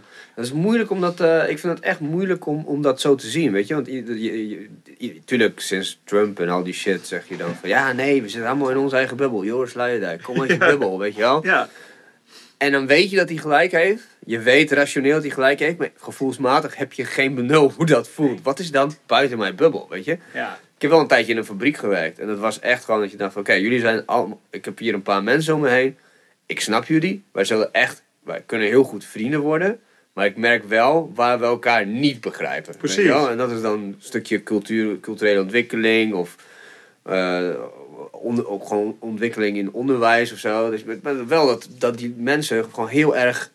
eh, geïnteresseerd zijn bijvoorbeeld in buitenaards leven. Mhm. Maar dan dat het heel anders op een heel veel kinderachtige manier beschrijven. Maar dan wel, dan, als je dan door, die, eh, door de regels heen leest, dan, of tussen de regels in luistert, dan denk je van, ah ja, ja, ja ik snap precies wat je bedoelt. Ja, ik, ik, ik stel mezelf ook wel eens die vraag. ja. Zou het wel niet zo zijn dat ze er al zijn, weet je wel, zo. Nee, en je hebt natuurlijk ook gewoon heel veel raakvlakken. Alleen het probleem is dat je dan niet helemaal aansluit op elkaars denkwereld, denk ik. Nou als het dieper gaat, wordt het lastig. Precies, nee, maar en, de- en dat, dat maakt het denk ik, en dat maakt zo'n bubbel ook. En ook wat je zegt over, over Trump-stemmers eh, en, en überhaupt dat helemaal, dat, dat zullen wij niet zo snel begrijpen. Dat mensen ertoe komen om zo'n keuze te maken. En dat is natuurlijk ook eh, wat je, je ziet heel erg een tweedeling of zelfs een, een, een vijfdeling of een honderddeling in de maatschappij. Waarbij iedereen een soort van in zijn eigen bubbel blijft zitten. En dat komt mede door wat algoritmes en, en, en, en artificial intelligence je een soort van voorschrijft. Ja. Heel veel dingen worden voor je bepaald. Of het nou met muziek is, jij luistert een bepaald soort muziek. Dus je Spotify eh, zegt, dit vind je waarschijnlijk ook leuk. Ja. En dan klik je dat aan en dan denk je, oh ja, dit vind ik vet. En dan denkt Spotify, yes, ik had het goed. En dan doe ik de rest ook ongeveer in die... Ik En zo- ook, heel vaak dat je dan denkt van, kut. ja. Ik denk ook heel vaak bij mijn Spotify, wat een herrie. Ja, ik weet wel waar je het vandaan hebt, maar dit is, dit is juist niet een band die ik vind. Ja, ja. Ja, maar dat denk ik ook omdat wij allebei ook wel bewust op zoek gaan naar andere genres. Ja, En ook wel, kijk wat- jij er straks zei van, eh, ik kom uit de metal, maar ik ga naar de elektronische muziek luisteren en ik ga me verdiepen in de hip-hop en ik wil daarvan meer weten. Ja. Ik wil van klassiek meer weten. Als jij een mix krijgt tussen klassiek, hip-hop en metal, Ja, ik heb ook drie verschillende of vier verschillende daily mixes. ja, Ik, waar, je, waar, waar bijvoorbeeld Ja, andere mensen één of twee hebben. Of zo. vijf of zo. En daar staan ook echt dingen door elkaar dat ik denk, Huh? Spotify, hoe heb je dit? Want dat is gewoon, dan weet je het algoritme, weet het dan misschien niet helemaal meer. En denkt, oké, dit luister je allemaal, dit gooi ik wel in een lijstje. Winning. Echt, echt zeg maar, eh, dingen als Aldous Harding, dat is een, een, een, een zangeres, wat echt een soort van breekbare, rustige muziek is, staat dan naast Proto Martyr en Idols. Oh. Wat weer een soort van post-punk band zijn waarvan je denkt: oké, dit klopt niet helemaal bij elkaar. Maar ja, ik luister het allebei, dank je Spotify. Maar eh, dat is natuurlijk, en dat is in de muziek, maar dat is ook met je nieuwsvergaring. Ja. En eh, dat is ook met wat je ziet op Facebook en op Instagram en al dat soort dingen. Er wordt heel erg voor je bepaald in welke groep jij zit. Jij wordt ingedeeld in een groep. Of dat nou is dat je eh, in, in, in, in cultureel land van Groningen je, je bevindt. En dat je daar dus van houdt. Je houdt van muziek, je houdt van theater, je houdt van kunst, je houdt van... Je denkt zo eh, dat je breed bent, maar je bent dat hokje, zeg maar. Precies, en je, en je, je bent nu met je, met je sportproject bezig. eh, dus je bent vaak in, in een sportschool. Dus dan krijg je een beetje die... die nou ja, dat inderdaad... Niks ontgaat de max. Ja, niks ontgaat mij. Nee. Maar dat komt omdat jij in diezelfde bubbel zit als ik eigenlijk ja, in die bubbel precies. zit. Omdat we ook gewoon een grote overlappende vriendengroep hebben en ook een grote overlappende eh, interesse. Ja. Alleen als je inderdaad buiten die bubbel gaat kijken. Nou, klik, ga naar Facebook. Klik op, op alle reacties die er gegeven worden onder nieuwsberichten. Ik doe dat wel vaak. En dat is niet alleen om, om, om zeg maar, aapjes kijken. eh, wat je natuurlijk ook een beetje kan denken. Zeg maar een beetje de, de reden waarom mensen Temptation Island kijken. Omdat ze het zo grappig vinden om, eh, om, om, om minder intelligente mensen op tv te Wacht zien. even, heb jij de vorige podcast meegeluisterd? Nee. Ging het daar over Temptation Ja, Island? ging over Temptation Oké, ik Island. ga hem luisteren. Maar eh, kijk, wat ik, wat ik ook interessant vind namelijk, is dat er echt zoveel mensen heel erg anders denken dan ik. Dat ik gewoon, ik kan niet begrijpen dat ze zo denken. Mensen die Forum voor Democratie stemmen, ik kan het niet begrijpen. Ik ook niet, maar je moet Maar je wel... ergens kan ik het ook weer wel begrijpen, omdat, ja... Er is geen je- alternatief. nou, dat misschien, maar ook dat eh, mensen niet. Althans, wij zien heel erg iets wat we slecht vinden in Forum voor Democratie, omdat we allebei geen eh, rechtse denkbeelden hebben. En heel veel mensen die rechtse denkbeelden hebben, zijn niet per se een soort van extreem rechts en alleen maar racisten of weet ik veel wat. Maar die zien dat zo'n partij als, oh, dit is een soort van fris rechts geluid. Dit, dit ken ik niet. Ik voel me hierdoor aangesproken. Ja, ik wil inderdaad eh, zorgen dat, dat dit opgelost wordt. Of dat, eh, dat een markt meer zo moet, moet werken. Of dat er inderdaad, ja, weet je, ik voel me toch wel een beetje bedreigd op straat. Ik wil me daar, eh, ik wil me veilig voelen in Nederland. Ja, En dat ze dan niet, en dat ze soms ook een soort van zwart gedeelte van zo'n partij niet lijken te zien. Of Nee. niet lijken te willen Precies, zien. precies dat. Dat is me heel erg vaak opgevallen. Dat als je dan zegt van... Oké, waarom... waarom ja, wat echt vrienden van mij, die, die, die hebben erop gestemd dat ik echt er niet bij kon, zeg maar. Toen dacht ik van, Mhm. oké, now it's time to lawyer up. In de zin van, ik moet me nu... Ja. Godverdomme, jullie bezorgen me... Ik heb al geen tijd, nu moet ik me ook nog één lezen om jullie te vertellen waarom je er niet op zo moet Ik heb exact hetzelfde. ik eh, heb een vlammende betogen gegeven tegen mensen waarvan ik dacht... Nee, dat ga je echt niet doen. Maar mensen zien dus, dus niet dat, dat, dat die man eh, in ieder geval... Hij zegt dat hij het niet doet, maar eigenlijk doet hij het wel verdekt. Dat hij dus aan rassenscheiding doet. Ja. Eh. Met alle dog whistles die in die, in die, in die speeches van Ja. hem zitten. Ja, precies. Maar ondertussen zegt hij, dan wuift hij het weg in zo'n, eh, weet ik veel, wel- welk programma het was. eh, ik, ik, ik zag het toevallig dat hij iets zei van... Ja, nee, iedereen valt er overheen over het boreale. Ja, dat dat is het columnisme, hè. Dat is hoe eh, journalisten zijn tegenwoordig. Lui en dom. Dan googelen ze een woord en dan zien ze dat. En dan, ja, dan gaan ze daar helemaal over vallen. Terwijl ik eh T.S. Eliot quote. En ik quote Homerus. En ik quote hier. Maar dat zien ze allemaal niet, want daar zijn ze veel te dom voor. Ja, maar dat... En, ja. Zo van, doe het. Ja, ik snap echt wel dat je met de vleugels van, eh, van de uil van Minerva bedoelt. Dat is echt niet heel moeilijk voor een hoger opgeleide om te begrijpen wat, wat, je, wat, je, dat je er zegt. Maar om het vijf keer te herhalen, om te hopen dat mensen het allemaal hebben meegekregen. Nou ja, en dat is inderdaad een beetje dat verdekken van... Nou ja, wat, ik- wat ik vind is een hele zwart gedeelte van die partij, zeg maar. Een heel, heel duister, duister gebied. Wat is volgens jou dan het zwarte gedeelte van een partij? Het is, opgericht, het, is in Leiden, eh, het is in Leiden begonnen, hè, daar op de rechtenfaculteit. En ik heb het wel een beetje van, eh, nou niet van heel dichtbij meegemaakt, maar ik heb wel mensen gezien die daar steeds een beetje ingetrokken werden, die ook daar op die faculteit zaten. Die van redelijk normaal denkend naar heel veel rare rechtse standpunten glijden. Ja. En ik, ik geloof niet in de, de intenties van die, van, die, van die hele partij. Dat het inderdaad alleen maar gaat om een soort van fris rechts geluid. Het, het is een soort van heel rechts denk literatuurgroepje geweest die met elkaar ergens op een, op een zolderkamer, dat, dat probeerde Mark Rutte er inderdaad ook nog in te fietsen ergens afgelopen week, eh, dat het een beetje zolderkamergeleerden zijn die met, met hun rechtse denkbeelden elkaar zijn op gaan stoken. Maar ik, ik heb wel het idee dat dat in ieder geval zo is. Maar ja, weet je, nogmaals, ik zit in mijn Bubbel. Ja. lin- linkse, linkse cultuur elitistenbubbel, maar, bubbel, maar ik zie wel veel langskomen.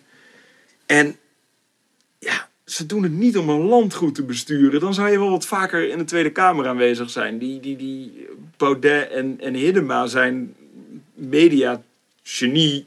Echt, ja, zijn gewoon media-genieën. Want ze weten precies bij welke debatten ze aanwezig moeten zijn om aandacht te krijgen. Want ze weten namelijk ook precies bij welke debatten ze niet moeten zijn. Want op het moment dat iets wat zij vinden niet te verdedigen is, gaan ze gewoon niet naar het debat toe. Maar mag dat? Ja, dat kan. Bij, bij de meeste debatten eh, zijn er eh, zes, zeven mensen aanwezig in de Tweede Kamer. En dat- ja, ja, ja, maar dat komt ook omdat er al vijf, zes debatten tegelijk zijn. Oké. Dus je hebt het heel erg ingedeeld in commissies. En iedereen heeft wat te zeggen over de commissie. Waar ze dan op zitten, bijvoorbeeld Binnenlandse Zaken of eh, Justitie of eh, Onderwijs. Dat soort dingen. Het zijn allemaal aparte commissies en die vergaderen ook heel vaak allemaal tegelijk. Zeg maar de beelden die je op tv ziet van de plenaire zaal die helemaal bomvol zit, is Ja. eigenlijk alleen bij stemmingen of eh, bij echt, echt de grote debatten waar Oh, meteen gestemd moet worden. Oh shit, whole world was lie. Nou ja, en ik bedoel, ik zeg niet dat Kamerleden niet hard werken, want dat zie ik wel van dichtbij. Dat ze echt, die maken echt flinke uren en flinke dagen, want die bereiden zich ook heel erg veel voor. Maar die zijn ook heel erg vaak in het land om werkbezoeken, dat soort dingen. Maar Hiddema en Baudet zie je bijna niet in die debatten. Als ze er niks te winnen hebben, gaan ze er niet heen. En dat is mediatechnisch heel slim, want nou ja, net als dat jij het niet weet, wat heel logisch is, want je kan politiek ook tot op een bepaalde hoogte volgen. Ehm, doet bijna niemand dat. Zij vo- doen de debatten die media-aandacht gaan genereren, daar gaan ze heen. Dan roepen ze hun standpunten en vervolgens trekken ze zich eigenlijk weer een beetje terug in hun partijkantoor. En op die manier groeit en groeit die partij zonder dat ze zich echt laten aanvallen op hun eigen standpunten. Huh? En dat is ook een soort van nieuwe soort politiek. Ik bedoel, PVV heeft dat, is daar ook al mee begonnen. En je had daar eerder al eh, centrumdemocraten in, eh, in de jaren negentig. eh, die dat ook deden. PVV deed dat heel lang. Ook op een best wel slimme manier. Ik vind het walgelijk, maar het was een slimme manier. Is op het moment dat ze uit de media dreigden te raken... gooiden ze er iets in waarvan ze wisten dat iedereen over ze ging vallen. En eh, waar ze dan over gingen vallen, was eh, iets als kopvolle tax bijvoorbeeld. Ik bedoel, de kopvolle tax, eh, dat was een, een, soort van duister ideetje die, die Geert Wilders en Martin Bosma, wat een beetje de breinen zijn achter de PVV, die hebben dat bedacht als een soort van, oké, en nu staan we weer een week in de krant. En op het moment dat de PVV een week in de krant staat, dan zie je ze in de peiling ook weer omhoog gaan. Want ja, iedereen die eh, enigszins tegen, dat, eh, te- tegen de hele islam is, die vindt het alleen maar mooi om te horen. En de rest is toch niet een doelgroep. Ja. Wauw. Mm, dus ik denk dat dat, dat dat, en dat is ook de strategie die... Gaat die Oh. goed? Ja, die gaat hartstikke goed. Daar ging het om. Ehm, dat is ook de strategie die Forum voor Democratie heel erg hanteert. Het is een soort van guerrilla-achtige manier van politiek bedrijven. Het is precies weten op welk moment je waar Want, je, moet want zijn. anders, want je zijn ook vet onderbemand allemaal. Anders. Nou ja, ze zijn met z'n tweeën. Ja. Terwijl eh, een, een VVD heeft natuurlijk vele malen meer eh, zetels. Die kunnen ook veel meer. Dus het is ook zo, natuurlijk. Ze zijn ook onderbemand. Maar je ziet ook dat, dat ze minder in de Kamer zijn dan kleine partijen. Of zeg maar net zulke kleine partijen als zij. Ze Ja. voeren gewoon een guer- guerrilla-achtige marketingstrategie. Een soort van hoe, hoe ze in eh, de, de Vietnamoorlog Amerika hebben verslagen. Eh, je valt aan en je trekt je terug in de jungle. En je laat niks meer van je horen. En je laat niks meer van je horen, want ja, weet je, waarom zou je wat van je laten horen? Dan word je neergeknald door de, door de grote meerderheid. Ja. Nee, je go- gooit er iets in en je trekt je terug. Je gooit er iets in en je trekt je terug. En op die manier groeit zo'n partij. Alleen je weet nooit, je ziet het nu ook weer bij het Forum voor Democratie, ze worden heel groot en je hebt alweer gezeik. Dikke breuken in de partij. Ja, ja, ja, ja. Mensen die er hand tegen zijn en eh, binnen de partij ook enorme... eh, ja, gewoon. Ja, dat was bij de LPF natuurlijk ook zo. Ja, precies. LPF is Maar maar heb jij niet zoiets van... laat ze maar gewoon een keertje regeren. Kijken wat ze doen. Nou, we hebben het met de PVV gezien. Ja, dat is niet heel lang gekomen, geworden. Dat- Nee. Ja, maar dat was een, dat was een hoe heet het? Eh, Gedoogconstructie. Gedoogconstructie, ja. Maar ja, dat werd wel gezien als regeren. En dat heeft de VVD gewoon heel slim gespeeld. Die heeft ze er een soort van bijgetrokken. Waarbij iedereen het beeld had van oké, ze regeren. En op het moment dat het echt moeilijk werd, liepen ze weg. En sindsdien zijn ze ook nooit meer zo groot geweest. Nee, nee, nee. Maar ja, ik, ik denk dat. Kijk, de PVV zijn twee mensen die denkkracht hebben. Dat zijn Bosma en Wilders. Ja. Bosma is echt een beetje het, het, het intellectuele brein en, en Wilders is de marketingman. En bij Forum voor Democratie zitten er echt veel te veel slimme, gehaaide mensen achter. Ja. En dat is wel een probleem.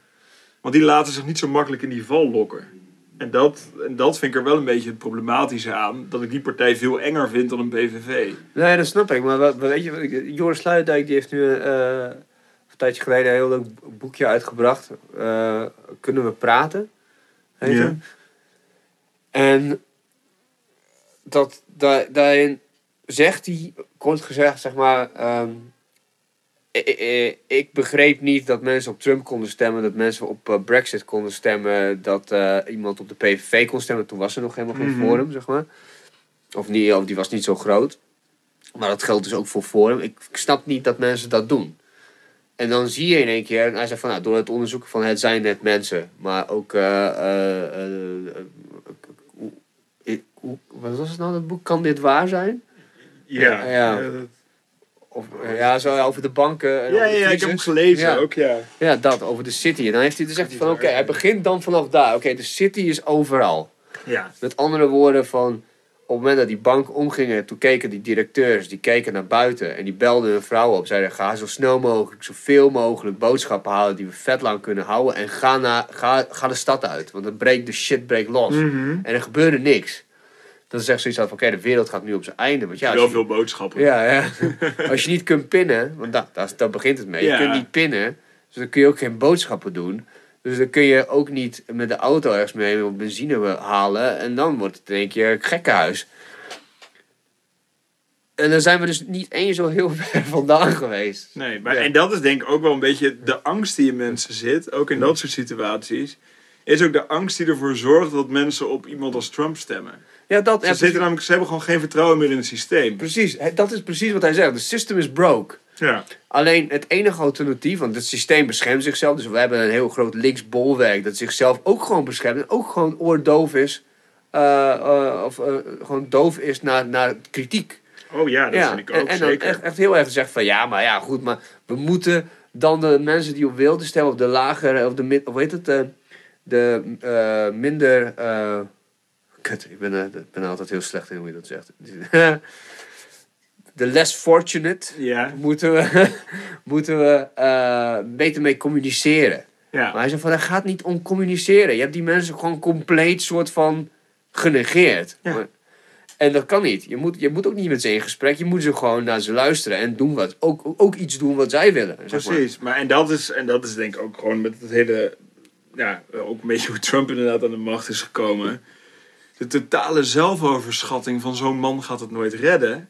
Van, eh, van de democraten. En eh, ook, ook van nou ja, peilingen, dat soort dingen. Iedereen, alles wees erop. Hillary gaat winnen, Hillary gaat winnen.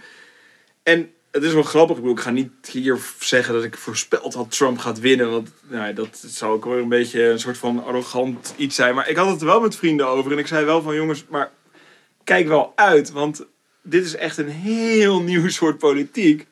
En je hebt ook in peilingen, het zijn altijd de traditionele groepen die meegenomen worden. Ja. En het zijn nooit de groepen die nooit gestemd hebben. Precies. Want die stemden nooit. Ja, dat is het. En dat is een, een soort van de, de, de, de meerderheid die nooit gehoord werd, die wordt nu opeens, die krijgt een stem. Dat zie je ook met een gele hesjesbeweging, die dan in Nederland niet zo heel groot is en niet zo heel omvangrijk. En eh, die Rutte goed, eh, denk ik, eh, de, die, die die redelijk geneutraliseerd heeft een paar weken geleden door ze juist uit te nodigen. ja, Ehm, precies. juist van, kijk, ik luister naar jullie, ik luister naar jullie. Ja, dan hebben ze Ehm, nergens om boos op te zijn. Precies, en nou ja, en ja, ze hebben zich natuurlijk een beetje raar gedragen ook. Ehm, maar dat is ook dat is mediatechnisch heel slim uitgespeeld. Ja. Want ze hebben, hij heeft dat mediatechnisch echt uitgespeeld van laat ze maar komen en weet je, kom maar, kom maar met je kritiek. En toen bleek dat de kritiek een soort van versplinterd was en, en gek is. ja maar ik begrijp wel dat mensen eh, zich niet gehoord voelen. Hmm. En ik begrijp ook wel dat mensen eh, het gevoel hebben dat, wat, nou ja, wat, wat ik zie in mijn werk, eh, dat je wel, je hebt natuurlijk ook een soort van de Haagse kaasstolp wordt het dan genoemd. Een soort van vierkante kilometer in Den Haag waar ongeveer alles besloten wordt. Ja. Wat voor buitenstaanders heel lastig is om te begrijpen. Omdat als je de processen niet kent. Ik bedoel, zoals, ja, als, als heel veel mensen weten al niet hoe er gedebatteerd wordt in een Tweede Kamer. Terwijl dat de mensen zijn die wij eigenlijk gekozen hebben om voor ons te debatteren. Ja. Maar mensen voelen zich daar niet per se door vertegenwoordigd. Ja. Het is niet dat je naar een, een, een Tweede Kamerlid kijkt en denkt: Oh, dat is echt mijn, Mijn man. mijn man en die doet dit voor mij. Zo wordt er heel vaak niet gekeken. Dus ik snap echt wel dat mensen die zich daar heel erg kwaad over maken, ook grijpen naar andere middelen. En zo zien ze PVV of LPF of Forum voor Democratie heel erg als een soort heel ander middel die hun boosheid en hun onbegrip en hun onderbuikgevoel juist een stem geeft. En, Precies, ja. en, en heel erg vanuit de angst, heel erg vanuit er wordt niet naar ons geluisterd en heel erg uit, ja, weet je, er zijn heel veel mensen die gewoon andere culturen niet begrijpen. Waarbij er een taalbarrière zit, die, waarbij een, een barrière zit in hoe, eh, hoe er met elkaar omgegaan wordt of dat soort dingen. En die dat dan ook heel erg zien als iets vijandigs, want ze begrijpen elkaar niet. Bedoel, het is een soort van katten en honden af en toe met elkaar. Ja. Eh, als je elkaars taal niet begrijpt, en dat gaat niet om fysiek taal, eh, als, als iedereen moet Nederlands kunnen of zo. Maar als je qua lichaamstaal en qua, eh, qua cultuur elkaar al Ja. niet begrijpt, dan heb je daar heel snel een soort van angst tussen. En angst leidt gewoon heel vaak tot boosheid. Ja. Ja, want dat, dat, want dat is wat, wat Luijendijk ook zegt van... Ah, dat is dat, zeg maar. Dat je, dat je gewoon... Dat zij snappen niet... eh, of zij, ik zit dus echt heel erg dat je dat Ja, nee, maar dat is Ja, wel. Ja, Maar dat is, dat is denk ik al een goede realisatie Ja. van zo'n bubbel. Je hebt het al een soort van over wij en zij. Dat is ook een beetje hoe gepolariseerd. het al is. Maar wij zijn gewoon een hoge... Wij zijn een hoge middenklasse. Dat is gewoon... Ja, nou, en wij, wij denken er heel erg een soort van. We proberen er meta over na te denken. We hebben het idee dat we er meta over nadenken. En dat we er een soort van boven hangen en wel een beetje kunnen zien wat er speelt. Ja. Alleen dat is natuurlijk ja, een beetje de elitiste, snobistische bubbel waar je in zit. Dat je denkt, wij begrijpen het allemaal wel. Ja, ja, ja, dat is je En- blinde, blinde vlek tegelijkertijd. En dat is tegelijk ook enorm je blinde vlek. En dat is voor heel veel mensen ook heel erg de blinde vlek van... ja, ik begrijp er geen fuck van dat ze daarop stemmen. Ja. Kijk, ik, ik zou er nooit op kunnen stemmen. Maar Maar het is eigenlijk ook een beetje jouw werk, toch? Om, om die talenbarrières weg te nemen. Ja, Niet zozeer tussen, tussen waar we het nu over hebben, maar je hebt het ook, ook gewoon over ehm, eh, een ministerie en een, en een, en een techbedrijf. precies. Ja, Ja. die snappen elkaar ook niet. Die snappen elkaar heel vaak ook niet. Ja. Nee. Maar En hoe doe ze- jij dat dan? Hoe, hoe vertaal je? Wat is, wat, is- wat, heb jij een, een, een, een soort van va- eh, een vuistregel of zo? Of een basisprincipe die je zou kunnen Nee. uitfilteren? Van, oh ja, dit is, dit is meestal wat ik eigenlijk wat ik meestal doe. Nou, eh, wat ik eigenlijk altijd doe is...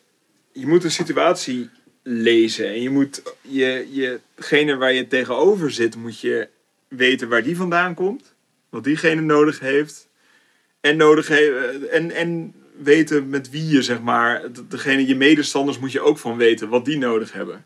Je kunt niet alleen maar bezig zijn met... Oké, onze partij wil dit en dat gaan we nu zenden. Want ja, als je alleen maar gaat zenden en niet luistert naar iemand dan zal je het nooit zo kunnen draaien dat je ook echt een goed gesprek met iemand hebt. Ja. Want dan denk jij alleen maar van ja, weet je, het zal wel, zij willen dit. Eh, ik, Ik wil dat niet. wil het niet. Maar, ja, ja, dus het is, wat, wat denk ik een, een vuistregel is, dat je ook, ook als je bijvoorbeeld tegenstanders hebt, maar ook als je eh, bij iemand zit waar je iets van nodig hebt, je moet altijd heel goed van tevoren bedenken wat is de positie van diegene. En wat heeft diegene nodig en wat wil die? Want als ik naar jou luister en eh, jij luistert vervolgens naar mij en ik vat dat samen als een soort van oké, maar dan kan ik dus concluderen dat jij wil dit en wij willen dit. als we dan naar die oplossing gaan, dan hebben we allebei wat we willen. En ik denk dat dat altijd een beetje de gouden regel tussen de communicatie met iedereen is, is dat je de boodschap heel erg aan moet passen op je ontvanger. Ja. Dus want als je je boodschap niet aanpast op een ontvanger, Vaak kun je zelfs hetzelfde bedoelen. ja, En, en het niet met elkaar eens zijn. Precies. Ja. En, dat, en je bent het dan niet met elkaar eens, omdat je niet luistert naar wat de ander wil. Je luistert niet en je bedenkt niet, oké, die positie heb jij en deze positie heb ik. En vervolgens denk je, oh wacht, hey, we zitten eigenlijk veel dichter bij elkaar dan als je tegen elkaar gaat praten. En zeg maar tegen, tegen elkaar in gaat praten. Ja. En ik denk dat dat ook een beetje de essentie is van wat je dan moet doen. Is gewoon echt analyseren van op, welk punt. Je moet gewoon heel strategisch nadenken. Je moet heel strategisch nadenken van oké, waar staat de ander? Waar sta ik? Waar staan mijn medestanders? Waar staan mijn tegenstanders? Eh, wat is eigenlijk een soort van de best mogelijke oplossing, zodat we allemaal iets krijgen? Ja. En ja, dat vind ik ook het leukste. Het leukste is als jij een gesprek ingaat met mensen die tegen, tegenover elkaar staan, waar je daarna eruit komt van: hé, hey, eigenlijk waren we het meer met elkaar eens dan dat we dachten. Ja. Wauw. We hoeven alleen Wauw. maar even te, te tweaken. Precies, ja, nee, maar je hoeft alleen maar inderdaad even de boodschap aan te passen op met wie je zit. En daarom is het nooit zo dat geen enkel gesprek is hetzelfde.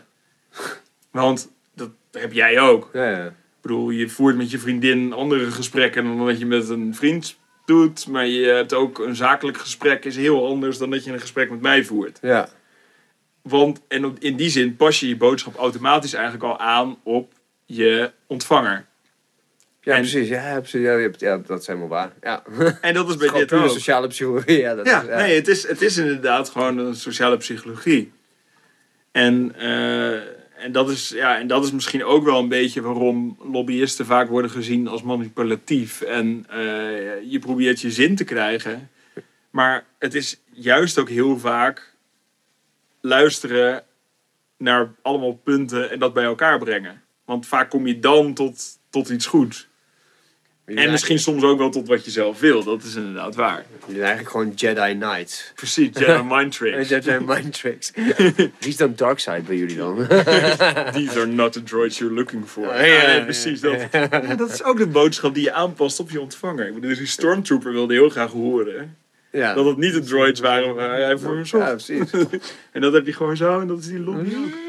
Nee, maar dat, en, en volgens mij, want jij hebt dat ook altijd wel. Jij schat situaties ook altijd wel heel erg in. Ja, zeker. En je bent ook altijd wel bezig met wat vinden mensen van mij en wat, wat doe ik nu en wat, hoe reageren mensen daarop. En Ja, ja, ja, zeker wel.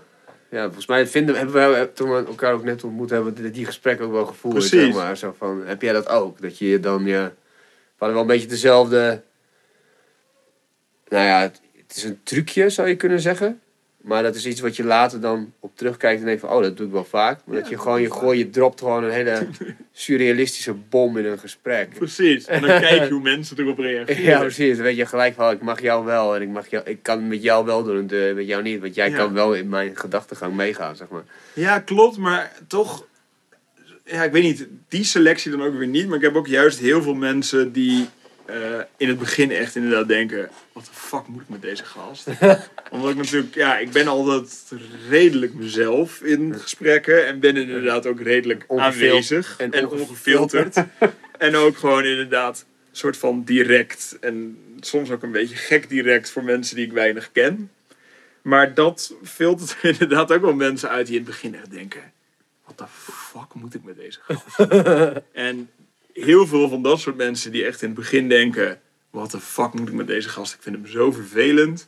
Die komen Dat zijn nu mijn beste vrienden. Ja, die kan- ja, ja, precies. Nee, maar juist dat soort mensen, want dat zijn ook mensen die nemen het niet zomaar aan. En ook mensen die zich, eh, weet je, niet laten manipuleren en niet laten eh, een soort van door door het bombast wat je dan soms kan hebben of door de directheid zich laten afschrikken.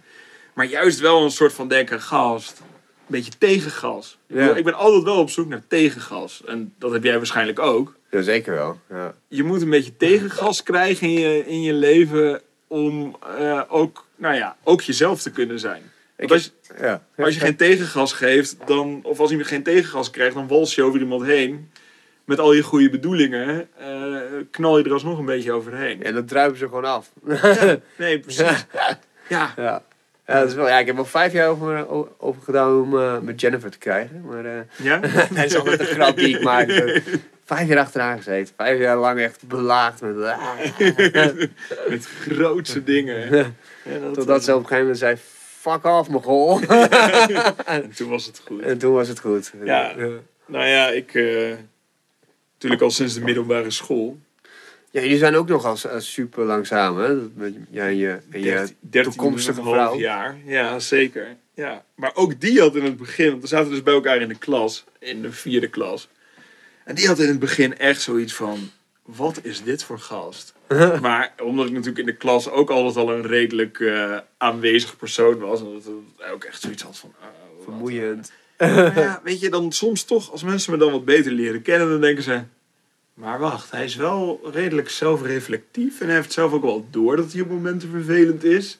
Dit is een beetje hoe hij is, maar je kunt hem er ook wel op aanspreken. Ja, En ik denk dat dat altijd wel een beetje het stadium is dat mensen denken, oh, het valt fijn. Ja, het is wel oké. Wat een fijne jongen. Ja, een fijne jongen. Wij zijn gewoon als hele goede platen. Het doet gewoon even pijn om naar te luisteren. Ja, Maar als je er eenmaal gewoon drie keer naar geluisterd hebt, dan hoor je wat we bedoelen. Ja, dat is het wel. Maar dat is, en, en dat is, ja, dan komen we weer terug op de muziek. Maar dat is ook een beetje dat je, dan weet je ook pas dat iets goed is. Denk Ja, ik, ja, denk altijd. ook. Ik bedoel, roken is ook niet chill.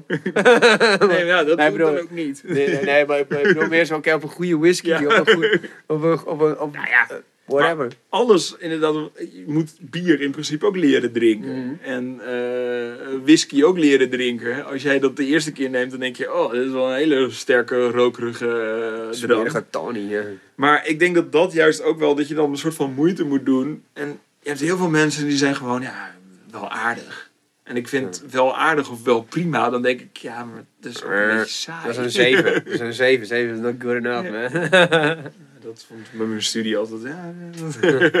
Ik las laatst een artikel, er zei iemand van... eh, als, je wil, als je mening wil hebben over iets, een harde mening, dan moet je zeggen... Je mag, je mag een cijfer geven van 1 tot 10, maar je mag het cijfer 7 niet gebruiken.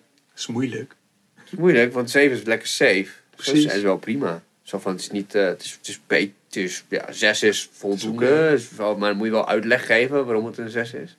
Ja, En een 8 is fucking goed op zich al. Het is het begin van fucking goed. maar ik, ik heb daarin heel erg gemerkt dat dat ook heel erg verschilt per, eh, per cultuur in die zin. Ik heb eh, anderhalf jaar op Schiphol rondgelopen om enquêtes, marktonderzoek te doen. Voor, Gewoon als bijbaantje Ja, ja. voor Schiphol. ja. En eh, wat je daar dan deed was, nou ja, gewoon van wat vind je van de luchthaven? Of wel, hoe schoon vind je het? Of hier. En ik kwam er dus achter dat, eh, en daar heb ik het ook op een gegeven moment een keer met een professor over gehad, die heel erg veel onderzoek had gedaan hiernaar. En ook heel veel onderzoek had gedaan in Azië. En ze zijn in Azië zijn ze altijd redelijk beleefd, dus ze kiezen eigenlijk altijd de middelste optie. Als er een middelste optie is, kiezen ze altijd de middelste optie. Ja. Terwijl Amerikanen die vinden echt, nou, ik heb een keer met een Amerikaan zitten praten, deed ik zo'n enquête. Je zag het, de smerigheid op de grond waar we zaten. Ja. En dan vraag je hem van, ehm, how clean is this airport? It's excellent, it's excellent, the best option, it's excellent. Waar je denkt, maar je, je zit hier gewoon met een lege drinkbekers cola die gewoon over de grond Dan liggen. moet je nagaan hoe het dan op JFK is, vraag je dan. Ja, maar nou ja, of, of is het gewoon dat je, dat je, zeg maar, dat het een soort van beleefdheid is dat je dan zegt dat het hier goed is, want ik vraag het namens de luchthaven. Ja, ja, ja. En ik vond dat soort dingen ook altijd, zeg maar, in, in, in psychologisch op- opzicht altijd wel heel interessant. Dat ik op een gegeven moment gewoon al, nou ja, al van tevoren dacht, oh, kan ik hier dan alvast die dingen invullen? Is het dan al, is het dan al zo bepaald? Ja, het is, wel, het is wel zo dat een vriend van mij, eh, die wilde eh, PhD doen in eh Hongkong. Dat is hem uiteindelijk ook gelukt en volgens mij is hij nu ook ondertussen ook al dokter. Maar, dokter Anders, ja. dokter Nee, P. PhD ben je eh, dokter. Hoe ben je dokter? Ja, is het zo? Ja, Oh. master is. eh, Master is. Dr. Anders. Maar dat is nu. Een master. Ja, Master of Science of Master of Arts. Maar, ja. Ja. dokter. Ja, thanks voor de update. Ja, ja. En, eh Toch een beetje die wetenschappelijke inslag ja, je podcast houden. Ja, hoppa. maar ehm, hij is ondertussen denk ik volgens mij wel dokter geworden. Maar het- toen hij dus zijn cijferlijst indiende, die, die gewoon cum laude was met allemaal achten. Toen zei Hongkong, wat een top 50 universiteit is nog steeds, geloof ik. Of een top 10. Volgens mij top 10. Dus ik pin me er niet op vast. Maar hier, Hier een hier- Google puntje. Ja, hier een Google puntje. Normaal gesproken heb ik mijn tech team hier naast me. Oh, ja. gelijk zo... Fact-checker. Fact-checker, ja. eh, Maar goed, was het, eh, het punt was dat Hongkong zei... Sorry man, als je hoogste cijfer een 10 is... dan zit je gewoon standaard twee punten onder die 10. dus hij moest met de decaan een brief opstellen... Ja. die bij zijn diploma werd gevoegd... waarin werd gezegd van... Dit is een excellent student. ja. Dit is gewoon beter dan dit wordt het niet. Vanuit Groningen, weet Ja. je wel. En een 8 is, is een A+. Ja. Want dat is inderdaad in Nederland krijg je heel moeilijk boven een 8. Ja. ja, tenzij je exacte vakken doet. Ja. Ja. Ja. Maar, maar, Ik, heb, ik heb niet zo vaak boven een 8 gehaald in ieder geval. Dus ik zeg gewoon dat het heel moeilijk is om Ja, boven een 8 te ja, precies. Your own standards. maar ehm, eh, toen, eh, dat was dat. Maar ik heb ook ik, maar ik heb mensen, ik ken ook mensen die uit Amerika terugkomen met allemaal A-pluses. En die Mhm. worden dus omgezet in achten. Ja. Terwijl het gewoon van, ja, maar hoe krijg ik dan een 10 in Amerika? Ja, niet. Nee. Nee. Dat is toch ook belachelijk? Ja, dat is ook... Maar dat vind ik echt, dat vind ik echt heel naar. Gewoon, weet je? Dat is gewoon heel, heel maar naar. heeft dat ook niet te maken met, eh, met een bepaald niveau van universiteiten? Want je hebt een, ik, ik weet dat je, je hebt een diploma-waardering. En de diploma-waarderingen, daar worden inderdaad bepaalde cijfers omgezet in een soort van, volgens mij is het een soort van coëfficiënt. eh, van Oh, dat zou het wel kunnen zijn. Want volgens mij is dat het heel erg vaak ook. Je hebt een bepaald niveau van universiteiten, Ja. op welk niveau je zit. En dat is natuurlijk allemaal niet gelijk getrokken. Dus als je een Harvard A+ zou halen, dan zou het negens worden. Ja, ja, ik, ik, ik weet het niet hoe dat Want precies... wij Groningen zijn boven Harvard. Ja, ja. dat zou kunnen- ja, nee, ik weet het niet. Maar het zou natuurlijk wel kunnen zijn in wat voor cijfers er worden gegeven. Dat Ja. dat anders is. Niet per se in het niveau, maar wel in wat voor cijfers er Welke gegeven professor worden. heb je gehad? Oh, die. Ja, die geeft zoveel A+. die... Precies. Nee, want dat, dat is nu wat... eh, dat doet Nuffic in Nederland, volgens mij. Dat is waar Carianne nu werkt. Oké. Dus dat eh, waar mijn verloofde dan werkt. Ja, ja, ja. Dus dat, want daarin, daarin weet ik het dus ook dat er inderdaad echt dat er waarderingen wordt gegeven aan diploma's aan het buitenland. Dus dat er ook waardering wordt gegeven aan hun cijferlijst. Dus dat, maar hoe dat- het precies in elkaar zit, weet ik dan ook weer Maar niet. dat zou het dan wel zijn geweest. Dat, dat moet het wel zijn geweest. Want het is wel echt... Dat Maar dan nog, door- aan tegen een... Vind ik dan nog, tegen, als je, eh, Groningen was toen denk ik hond- negen- 99, nummer 99 of nummer 100 in de, in de, in de ranking. Ja. Om dan tegen een universiteit te zeggen die boven jou is, te zeggen van onze 8 is jullie A+. Ja, maar dat, hoe dat zit, weet ik ook niet. Ja, maar dat, dat, is gewoon, dat, dat vind ik gewoon heel, eh, heel bizar. Maar goed, dat maakt het. Fuck it, weet je, het is gewoon een fun, fun fact. Ja, precies. Waar je toch een klein beetje boos om wordt. Dus Ja. Misschien is het geen fun fact, maar wel kunst. Ja, ja, het is wel Want we hebben al geconstateerd. Ja.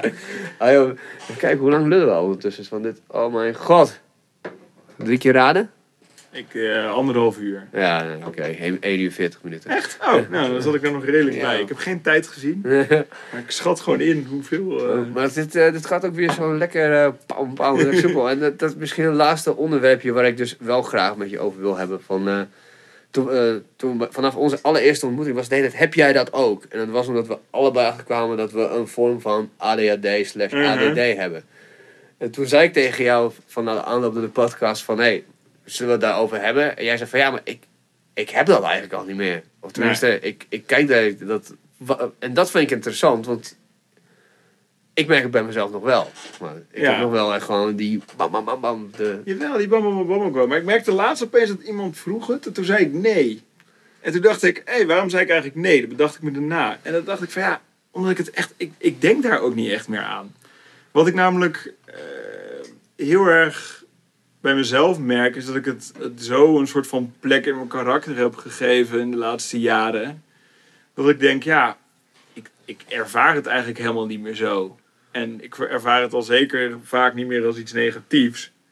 Eh, wat ik vroeger wel deed, zeg maar. ja, had je dat echt altijd? Dat je zo negatief, als een negatief aspect van jezelf? Nou, vaak op, zeker op school en op studie en dat soort dingen wel. Of was Wel. het omdat de reactie van je medemens Ja, er nou, negatief op was? En, en dat nog niet eens zozeer, want ik ben er altijd vrij open over geweest en iedereen wist het ook. En nou ja, een beetje waar we het zo net over hadden, als mensen me een beetje kennen, dan, eh, dan viel het altijd wel mee. Maar meer dat dan gewoon heel veel dingen qua studie en zo niet lukte. En dat je dan denkt van ja, ah, geef jezelf een schop onder de kont en doe dat. Maar dan merk ik dat, ja, weet je, ik ben gewoon snel verveeld.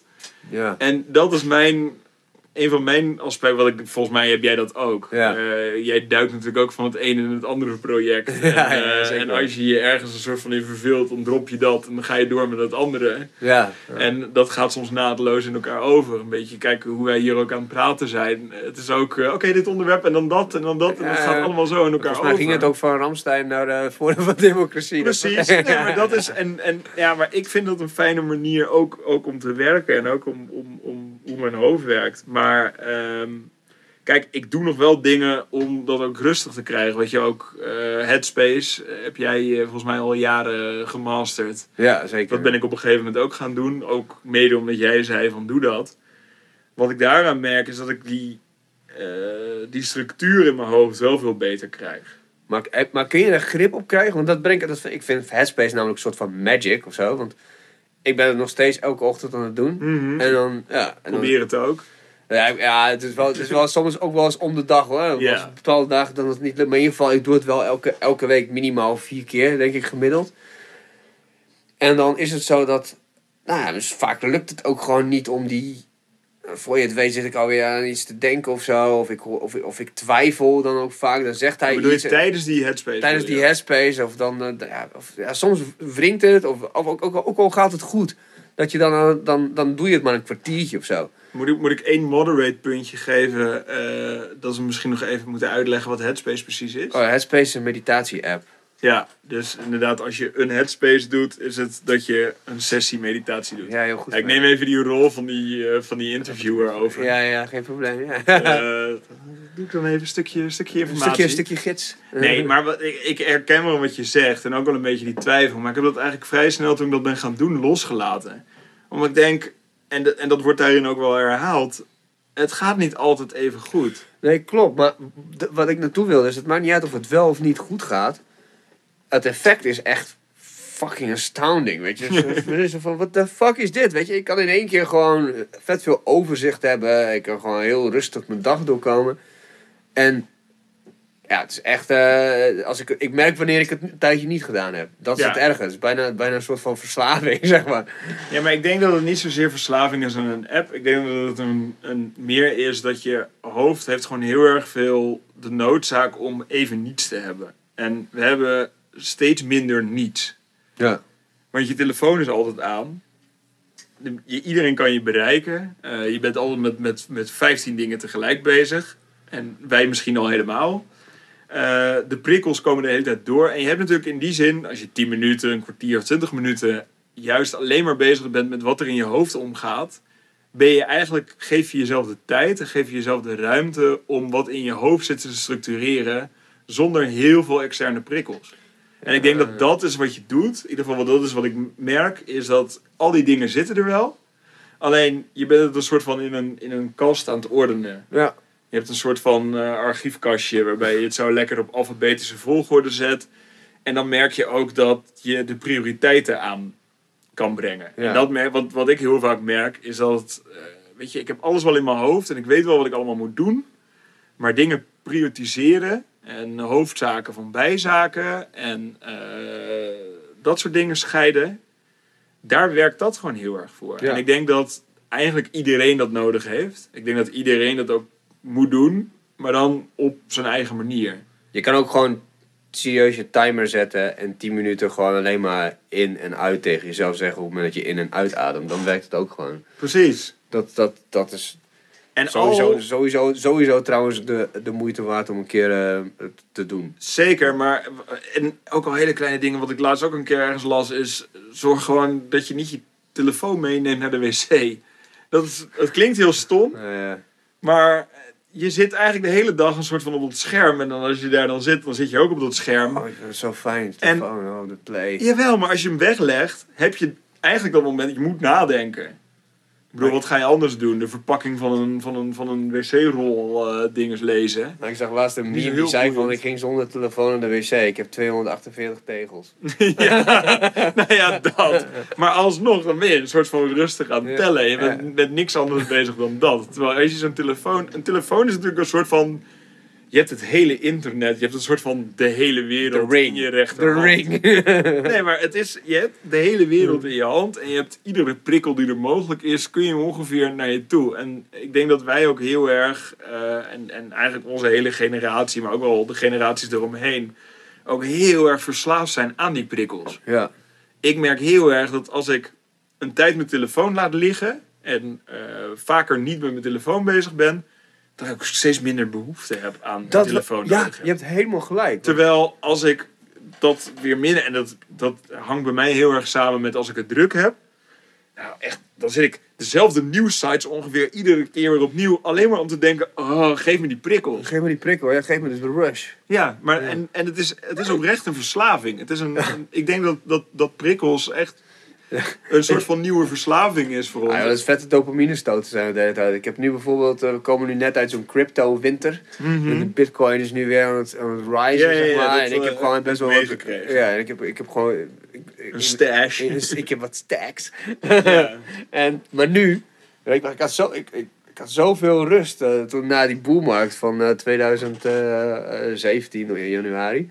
Zoveel, of 18, 18 januari. Was Mhm. zoveel rust. Daarna toen het begon, in het begin is het frustratie en dan wil je gewoon niet meer naar kijken. Maar dan in één keer kijk je de helft van je telefoon en nu begint het weer. En je zo, oh, kijk, oh, portfolio weer zoveel gestegen. Oh ja, Ja, maar en, en, en ik denk dat dat, een, ik denk dat dat in principe een soort van symptoom of een onderdeel is van die grotere prikkelverslaving. Kijk, dit is alleen maar iets waar je je aandacht op kan richten.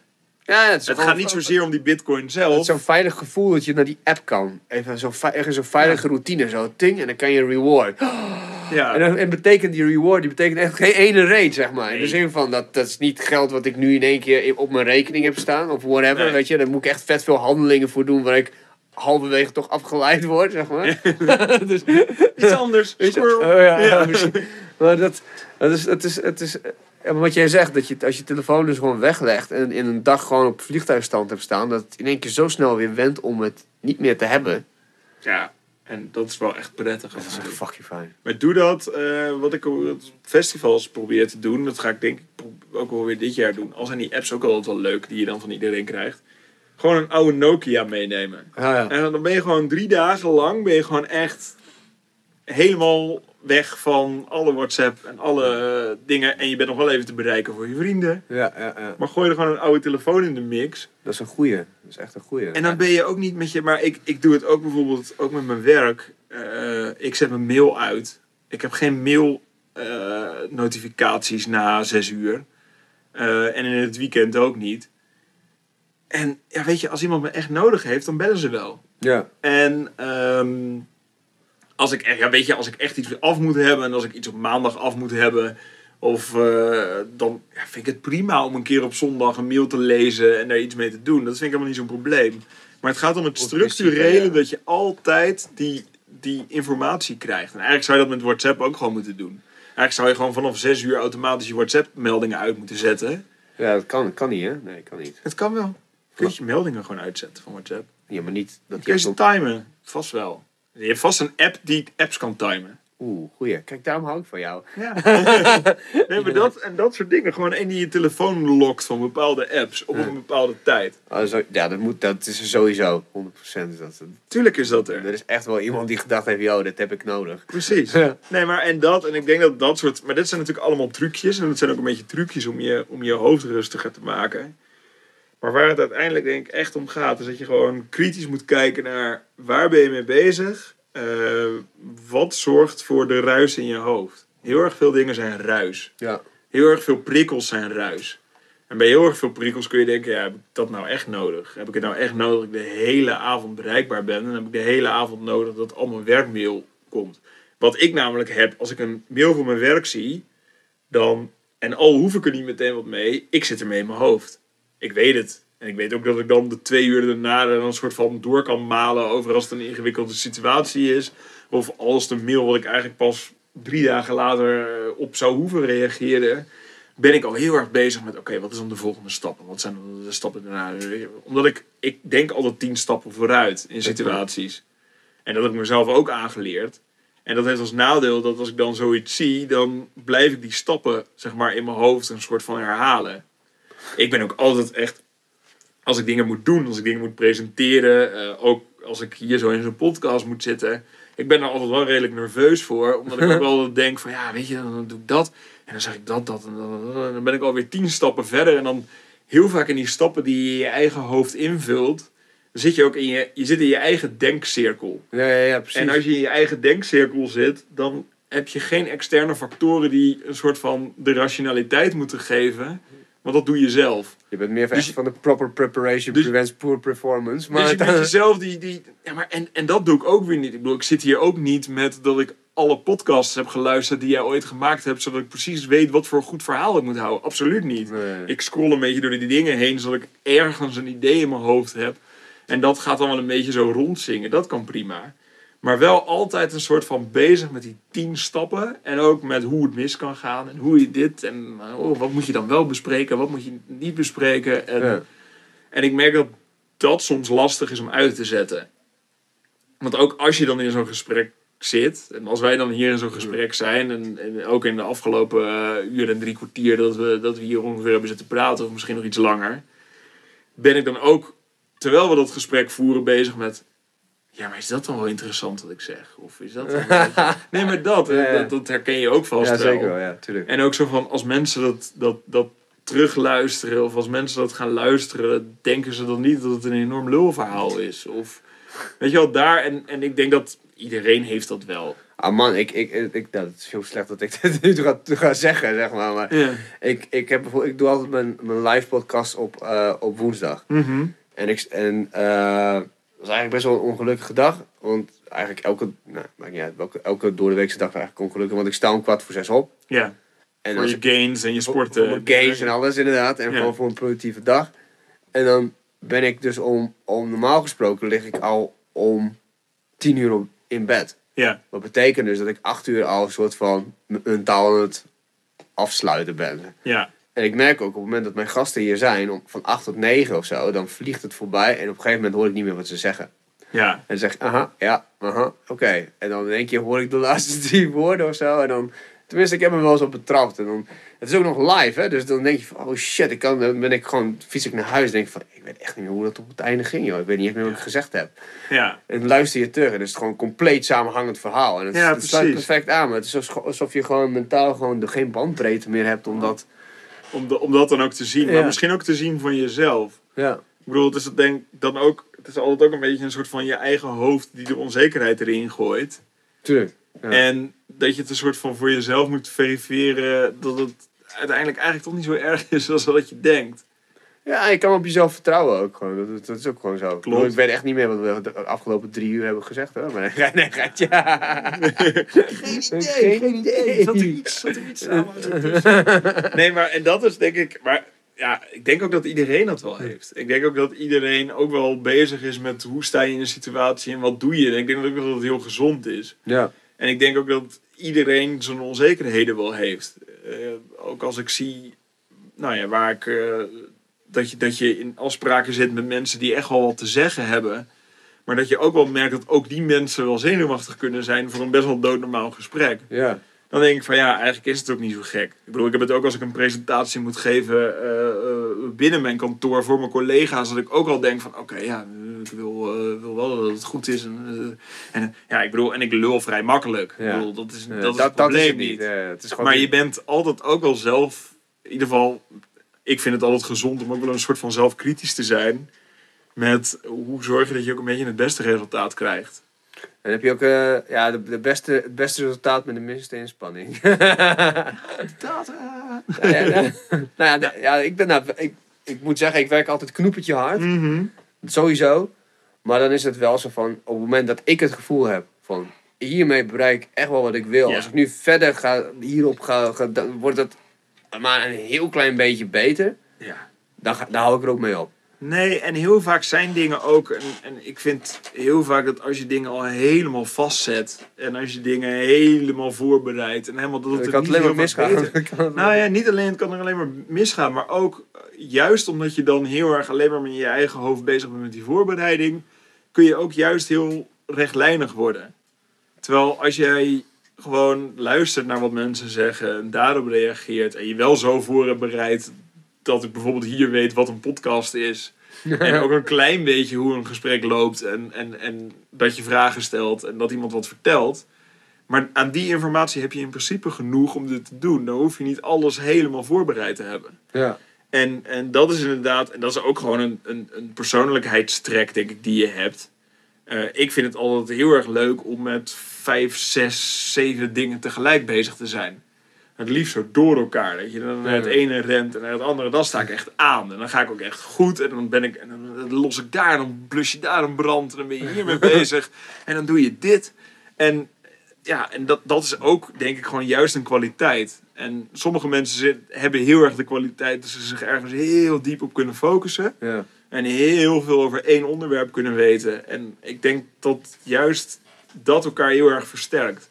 Dat je heel veel mensen hebt die het ene zijn en heel veel mensen hebt die het andere zijn. Ja.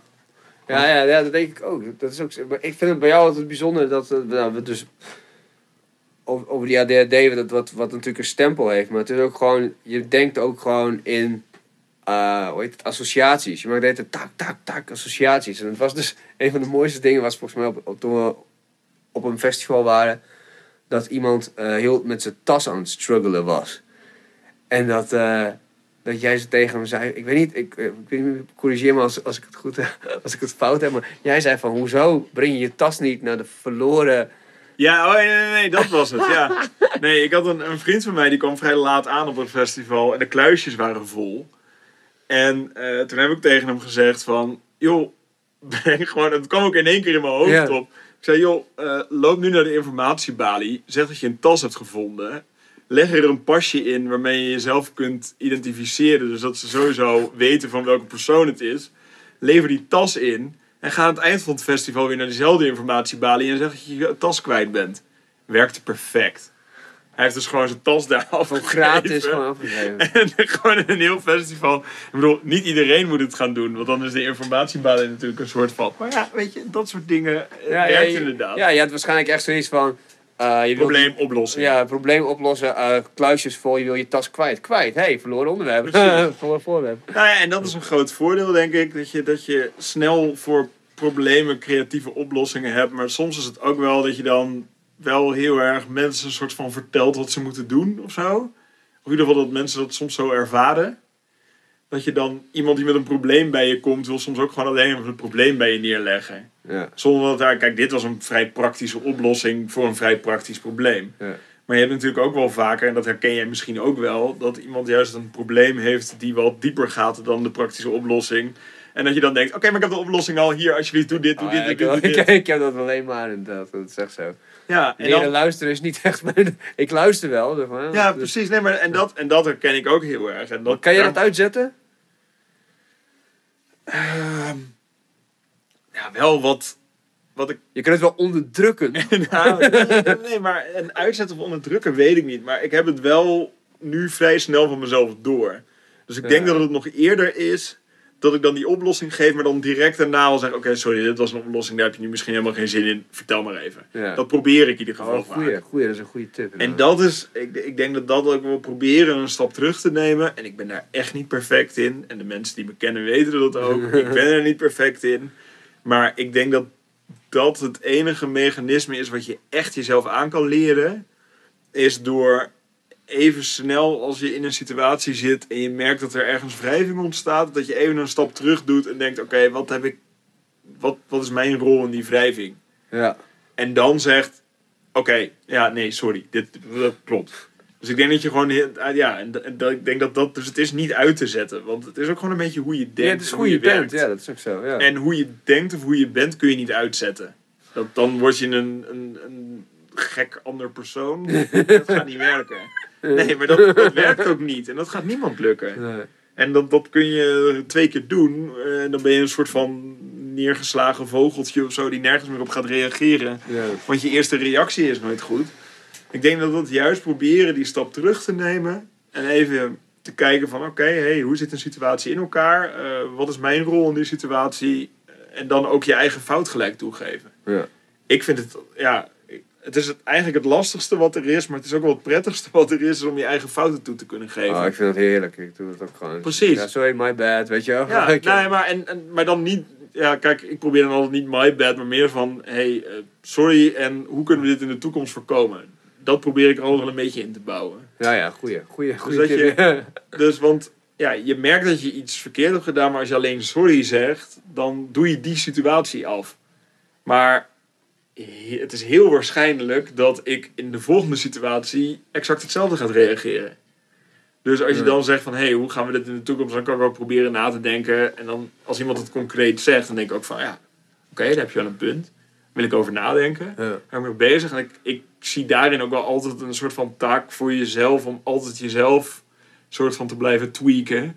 Altijd een beetje met jezelf bezig te zijn. En ook altijd na te denken over, oké, nou ja, wat ik nu heb gedaan heeft ervoor gezorgd dat iemand zich er zo over voelt.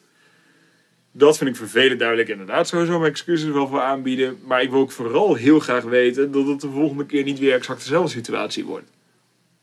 En ik denk dat dat eh, altijd een goede is. En zeker voor ons aanwezige eh, snel op dingen willen reageren, snel nadenken. Ja. Het is ook heel vaak niet de oplossing die er heel erg toe doet, maar ook een De beetje de- journey. De, reis er naartoe. The journey. Nee, Ja. maar, nee, maar het is wel zo. En, want als je niet iemand eh, een beetje aan de hand meeneemt met... oké, maar we gaan nu naar een oplossing...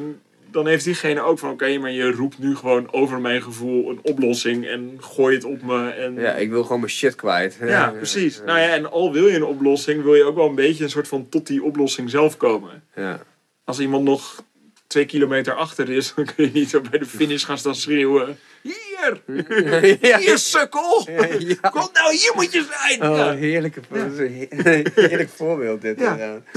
Ja. het is ook zo lekker visueel inderdaad. Voor, de, voor de metaforen. Voor de metafoor, ja. Voor de betere metaforen. Oké, nou, ik vind het wel een mooi, eh, mooi, eh, mooi puntje om, eh, om af te sluiten. Ja, lijkt me Eh, goed. Ehm, tenzij... Oh nee, nee, nee, nee, nee. Heb jij nog tips voor creatieve ondernemers? Als lobbyist, als, als, eh, als gids. Als gids. En als... eh, als, als, als eh, oud Buma-gids en een oud lobbyist. Voor creatieve ondernemers. ehm, ja. Heb ik een tip. Ik heb zeker een tip. Ik denk dat je creatieve ondernemers, dat die voornamelijk ook heel erg moeten kijken waar kun je de samenwerking op zoeken. En ook juist de samenwerking zoeken buiten je eigen veld. Want wat ik heel vaak zie en wat ik ook bij Buma wel veel heb gezien, is eh, daar werden heel veel congressen georganiseerd waarbij er heel veel type kennis samengebracht werden. En ik zag al dat daar juist hele mooie dingen uit konden ontstaan. Dus je hebt heel veel start-ups, je hebt heel veel muzikanten, je hebt heel veel. En die, nou ja, jij werkt zelf eh, voor natuurlijk voor, eh, voor, voor Cordify ook. En voor Ja. Dat Mag en voor, Honderd Duizend. voor honderd andere dingen. Maar jij zoekt ook wel heel erg die samenwerking op heel erg veel verschillende punten. Jij weet waar je eigen kracht ligt, maar je weet ook heel erg waar de kracht van anderen liggen. Ja. Denk ik. Ja, ja, ja, dat hoop ik dan, ja. Ja, precies. Nee, maar dat, en dat is wat ik wel zie, is dat jij, nou, jij bent gewoon ook een ondernemer in hart en nieren. En jij bent zo'n culturele ondernemer in die zin. Eh, dat je ook nog een band ernaast hebt. En dat je ook, en ik denk dat je heel erg die verbinding moet zoeken. En ik denk dat je heel erg moet kijken van, oké, dit kan ik. Maar wie kan mij helpen om verder te komen? En eh, wat ik vaak zie is dat mensen ook wel een beetje op eilandjes blijven drijven. En die hebben echt hele gave ideeën. Echt hele, hele vette plannen. Alleen die stranden een beetje omdat ze het zelf allemaal willen uitvoeren. Ja, Terwijl heel veel dingen kun je zelf niet uitvoeren. Voor heel veel dingen heb je ook gewoon mensen nodig die je een stapje verder brengen. En wij gaan het nu ook eh, nu dat doen met, het start-up, met een start-up project. Waarbij we vanuit ons kantoor eh start-ups gaan benaderen om eh, die echt een maatschappelijke waarde hebben. Om die ook verder te helpen. ja. En die proberen wij dan verder te helpen in wat is onze expertise. Onze expertise is waar zit de regelgeving. Waar staat de regelgeving ten opzichte van wat een start-up wil? Want wat je heel vaak merkt is dat een start-up is eh, kilometers voor op wat ze in Den Haag ergens in het ministerie bekokstoven. Ja, ja, ja. Want je wil innovatief zijn, je wil disruptief zijn, eh, maar je komt niet verder. Want ja, je zit tegen die regelgeving bots je aan. En ik denk dat dat een voorbeeld is van hoe je eh, ook voor culturele ondernemers geldt dat. Zoek iemand op die je verder kan helpen als je tegen problemen aanloopt. Maar dat is makkelijker gezegd dan gedaan natuurlijk. Je hebt het wel een beetje over een soort van mentor of zo.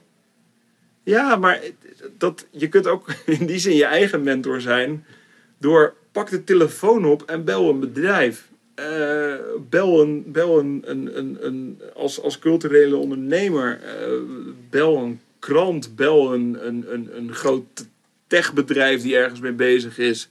Eh, pitch je plan. Zorg gewoon dat je, dat je, dat je de telefoon oppakt en, en bel. Ik merk heel erg vaak dat mensen hebben gewoon de angst om anderen aan te spreken om, om hulp te vragen. Dat ze bang zijn om afgewezen te worden. Of dat ze Nou, stom voelen. Ja, of omdat ze er gewoon niet aan denken. Ja. Het is heel erg vaak er ook niet aan denken. Want je ziet dat de, de, de, de ondernemers die echt in een niche springen, die zorgen er gewoon voor dat alles wat er omheen zit, dat die hun plan kennen en dat die ze ook kunnen helpen.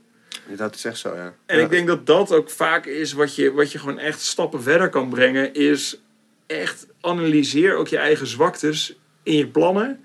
Analyseer je eigen zwaktes in, nou niet alleen in marketing, maar ook in, in, in je product. En zorg er gewoon voor dat er zijn zoveel mensen die je altijd verder willen helpen. Ook omdat ze er gewoon zelf wat aan hebben. Maar ook omdat ze ook gewoon vaak graag willen helpen. Ja, dat ze denken, hé, hey, vet. Wat tof dat iemand me benadert. hiermee. Precies. Ja, ja. En, en dat merk ik inderdaad ook bij, eh, bij nou, ja, ambtenaren ook. En ook bij gemeentes en ook bij eh, provincies. Maar ook bij eh, gewoon in, in, in Den Haag. Heel vaak vinden die het heel interessant als zij over hun beleidstrein iets kunnen vertellen. Ja. En heel vaak kan je dat ook helpen. en eh, dat is natuurlijk voor cultureel ondernemerschap niet anders. Je hebt hier in, bijvoorbeeld in Groningen ook heb je allemaal beleidsmedewerkers die met cultuur bezig zijn. Die vinden het heel vet om. En die hebben al zoveel projecten zien, zien komen en zien gaan. Dat ze heel erg vaak ook kunnen zeggen: ja, maar dit hebben ze daar geprobeerd. En dit een beetje was het probleem. Zorg ervoor dat je, dat je daar en daar en daar rekening mee houdt. Ik bedoel, neem interviews af met mensen. Eh, Dat zorg is wel de ervoor dat beste, je- ja, dat is wel waar, ja. gewoon zorg ervoor dat je een soort van beeld hebt van... is dit eerder geprobeerd? Hoe werd er naar gekeken? Waar is het op stuk gelopen? Eh, waar zit mijn niche? Eh, en, en waar kunnen mensen mij mee helpen? En ik denk dat je daarmee ook jezelf een stuk verder kan brengen. Door juist ook te erkennen wat je eigen zwaktes zijn. Ja, gewoon strengths and weaknesses. En your, en your weaknesses, nee, wat was het? En your weaknesses can become your strengths. Ja, ja maar dat En is je wel sterkte, zo. je sterkpunten zijn vaak je blinde vlekken ook. Ja. Dus dat is ook wel goeie om dat eh, te herkennen. Nou ja, en ik bedoel, die, die weaknesses kun je heel vaak door, ook door, door hulp van anderen eh, laten. Je hoeft niet alles zelf te doen. Nee. En, en dat zie je heel vaak. En, en bij de culturele sector zit er heel vaak ook nog een soort van bescheidenheid overheen. Ik bedoel, je mag gewoon trots zijn op wat je doet. Ja. En- ja, het komt omdat dat heel vaak je het gevoel krijgt dat het een soort veredelde hobby is. ja, maar terwijl dat het niet is. Nee, tuurlijk ik bedoel, niet. Het is een Nee. beroep. Ja. En het is, je hebt, je hebt iets wat mensen gaaf vinden. En jij, of althans, laten we beginnen bij het begin. Jij denkt dat je iets hebt wat anderen gaaf vinden, anders begin je er niet aan. Ja. Maar draag dat dan ook uit. Draag ook uit van dit is mijn product en hier sta ik voor. En ook eh, als het een liedje is, is het een liedje. Als het een schilderij is, is het een schilderij. En als het een onderneming is, dan is het een onderneming. Maar jij gelooft erin en laat het ook aan anderen merken. Ja. En er is altijd een soort van misplaatst gevoel van dat het misschien arrogant overkomt. Of dat het uit de hoogte overkomt. En daar loopt het ook wel vaker op stuk. Dat je het een soort van, ja, ja, dit is een beetje wat ik heb gemaakt en ik ga nu in een klein café. Nee, fuck it. Je wil gewoon direct in de grote zaal van de Vera. En als je op je bek gaat, ga je op je bek. Ja, eh, En, en dat vind ik ook wel mooi om te zien aan, aan jou. Dat je gewoon, je hebt heel veel proje- projecten. En je springt erin en je gaat er altijd met energie en vertrouwen in. ja. En als het niks wordt, dan wordt het niks. Nou, prima. Dan ga je, nee, maar dat is... En, en dat is dat. Je leert er altijd wel wat van. Precies, en dat vind ik het mooie aan, aan, aan hoe jij als cultureel ondernemer in Groningen bent. Eh, je hebt een enorm netwerk om je heen. Eh, je weet ook wat je zelf kan. En als je denkt iets te kunnen, dan spring je erin. En als het niet lukt, lukt het niks en niet. En dan ga je door naar het volgende. Ja, dat klopt. Maar ik heb wel weinig. Ik moet wel eerlijk zeggen, ik, ik maak. Nou ja, 99% van de dingen waar ik aan begin, die maak ik ook echt af. Ook al kost het me gewoon mijn, een, een stukje ziel, zeg maar. Ja, ja, ja. Nee, Ja. maar, niet, maar, maar dat is Ja, het ook ja. juist. Dat Ik- is die bezieling. Ja, precies. Maar alsnog, je maakt het af. Maar kijk, het en, dan laat ik het, en, dan, en, dan, en dan stap ik er vanaf. Ja, dat klopt. Nee, maar je, en je sluit het af. Ik, bedoel, ik zeg niet dat jij een soort van iets begint, het afraffelt en dan naar het volgende gaat. Nee, dat absoluut niet. Want dat zie ik juist niet. Jij gaat er met bezieling in. Je springt erin en niet alles wordt zo groot als dat je denkt of Precies. wil dat het Ja. wordt. Maar je gaat er wel in door en je hebt die bezieling. En ik denk dat die bezieling heel belangrijk is. Maar ik denk ook dat het heel belangrijk is om naast die bezieling inderdaad ook te kijken van... hé, hey, wie kan je daarmee helpen? En Ja. ik heb het idee dat je dat ook altijd doet. Want je hebt altijd bij ieder project allerlei mensen om je heen die je daar ook mee ja, ondersteunen. dat klopt. Ja, zeker wel. Ja. Ook omdat je weet wat je kracht is. Ja, ik, ja, zeker. Ik denk, als ik nu het ook zo zeg, ik ga het ook in mijn hoofd doen. Ah ja, dat is ook zo. Bijvoorbeeld nu met die Project Shredder, dat het nu echt net weer een tandje hoger is met Nick Venema als coach. Dat is ook echt, ik had dat nooit in mijn eentje kunnen doen, joh. Ik, had, Nee. ik, ik, we zijn nu ook vijf maanden bezig. Ja. En eh, ik heb eh, eigenlijk vorige week voor het eerst zo'n moment gehad dat ik dacht van... pff. Ja. Maar dat is ook inderdaad omdat je dat samen met iemand doet. Ja. En, en jullie gaan samen een boek, of jullie zijn samen een boek aan het schrijven, toch? ja, twee. Dus, ik- eh, dus hij heeft al één af en die zijn we nu aan het tweaken. Mhm. En ik schrijf een boek aan de hand van dat boek, wat, wat eigenlijk meer in de praktijk ge... N is één, dus ik. Ja. En hij, hij doet dan zijn, zijn magic op mij. Maar dat is gewoon, ja, het is gewoon zo hard trainen is het gewoon. Het is gewoon ja, ik zie hem één keer in de week. Maar vandaag vertelde ik hem dus... dat was ook zo mooi.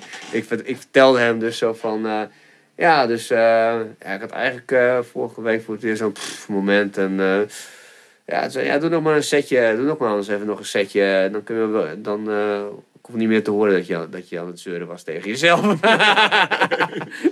Hij pakt het altijd wel mooi op. Ja. van, ja, Ja, gezeik. maar, en, maar dat hoort er ook bij. Er hoort ook bij. En dat is ook een beetje dat moment dat je denkt, "Pff, kan ik dit allemaal aan en weet Ja. ik het allemaal. En dat merk je natuurlijk ook heel vaak in, in nou ja, startende Ja. projecten of ondernemingen of dingen waar je eerst langer mee bezig bent. Zoals Mohammed Ali ook zegt van, eh, van hoeveel, eh, hoeveel eh, sit-ups doe je? En dan zegt hij zo van, I, only start, I don't know, I only start counting when it hurts. Ja, nee, maar en dat is, en ik denk dat dat inderdaad heel vaak in ondernemerschap ook wordt onderschat. Zo van, ja, als het pijn begint te doen met, met in je hoofd en je gaat echt zo van, oh, ik moet echt ruzie zoeken met mensen nu, want Ja, anders, krijg, anders wordt mijn hele project vernacheld. Ja. Then, then it starts to count, weet je Ja, precies. Ja, dan, eh, nou en ik denk dat je, als je, als je zegt van wat, wat, wat voor tip geef je mee, ik denk dat die drive, die bezieling, ook inderdaad af en toe eens kritisch kijken naar de situatie waar je in zit. En dan kun je jezelf echt wel eens second guessen van waar Ja. ben ik eigenlijk mee bezig, wat Ja. doe ik eigenlijk? En gewoon echt wel die, die, die, die mensen eromheen zoeken. En daarmee proberen naar een hoger level te tillen. En een win-win maken, denk ik. Dat is ook Ja. belangrijk. Altijd Nou ja, en- samen. En dat is dus inderdaad ook het, nou, waar we het eerder over hadden. Van eh, wat zijn je ontvangers van je boodschap? Eh, Pas ook die boodschap daarop aan. Ja. Kijk, een, eh, een gemeente wil iets heel anders met een project dan dat een bank met een project wil. En eh, de, de, de, de, de, de, cultuursector in, of de cultuur in Groningen of de cultuur breder wil ook weer wat anders. Een, eh, een museum wil wat anders dan een Vera en, en dat soort dingen. Pas heel erg je boodschap aan per persoon waar je zit. Ja. ja, dat is een hele goeie. Dat is een hele goeie. Laten we het hier, eh, laten we hier lekker bij afronden. Dankjewel dat je er was.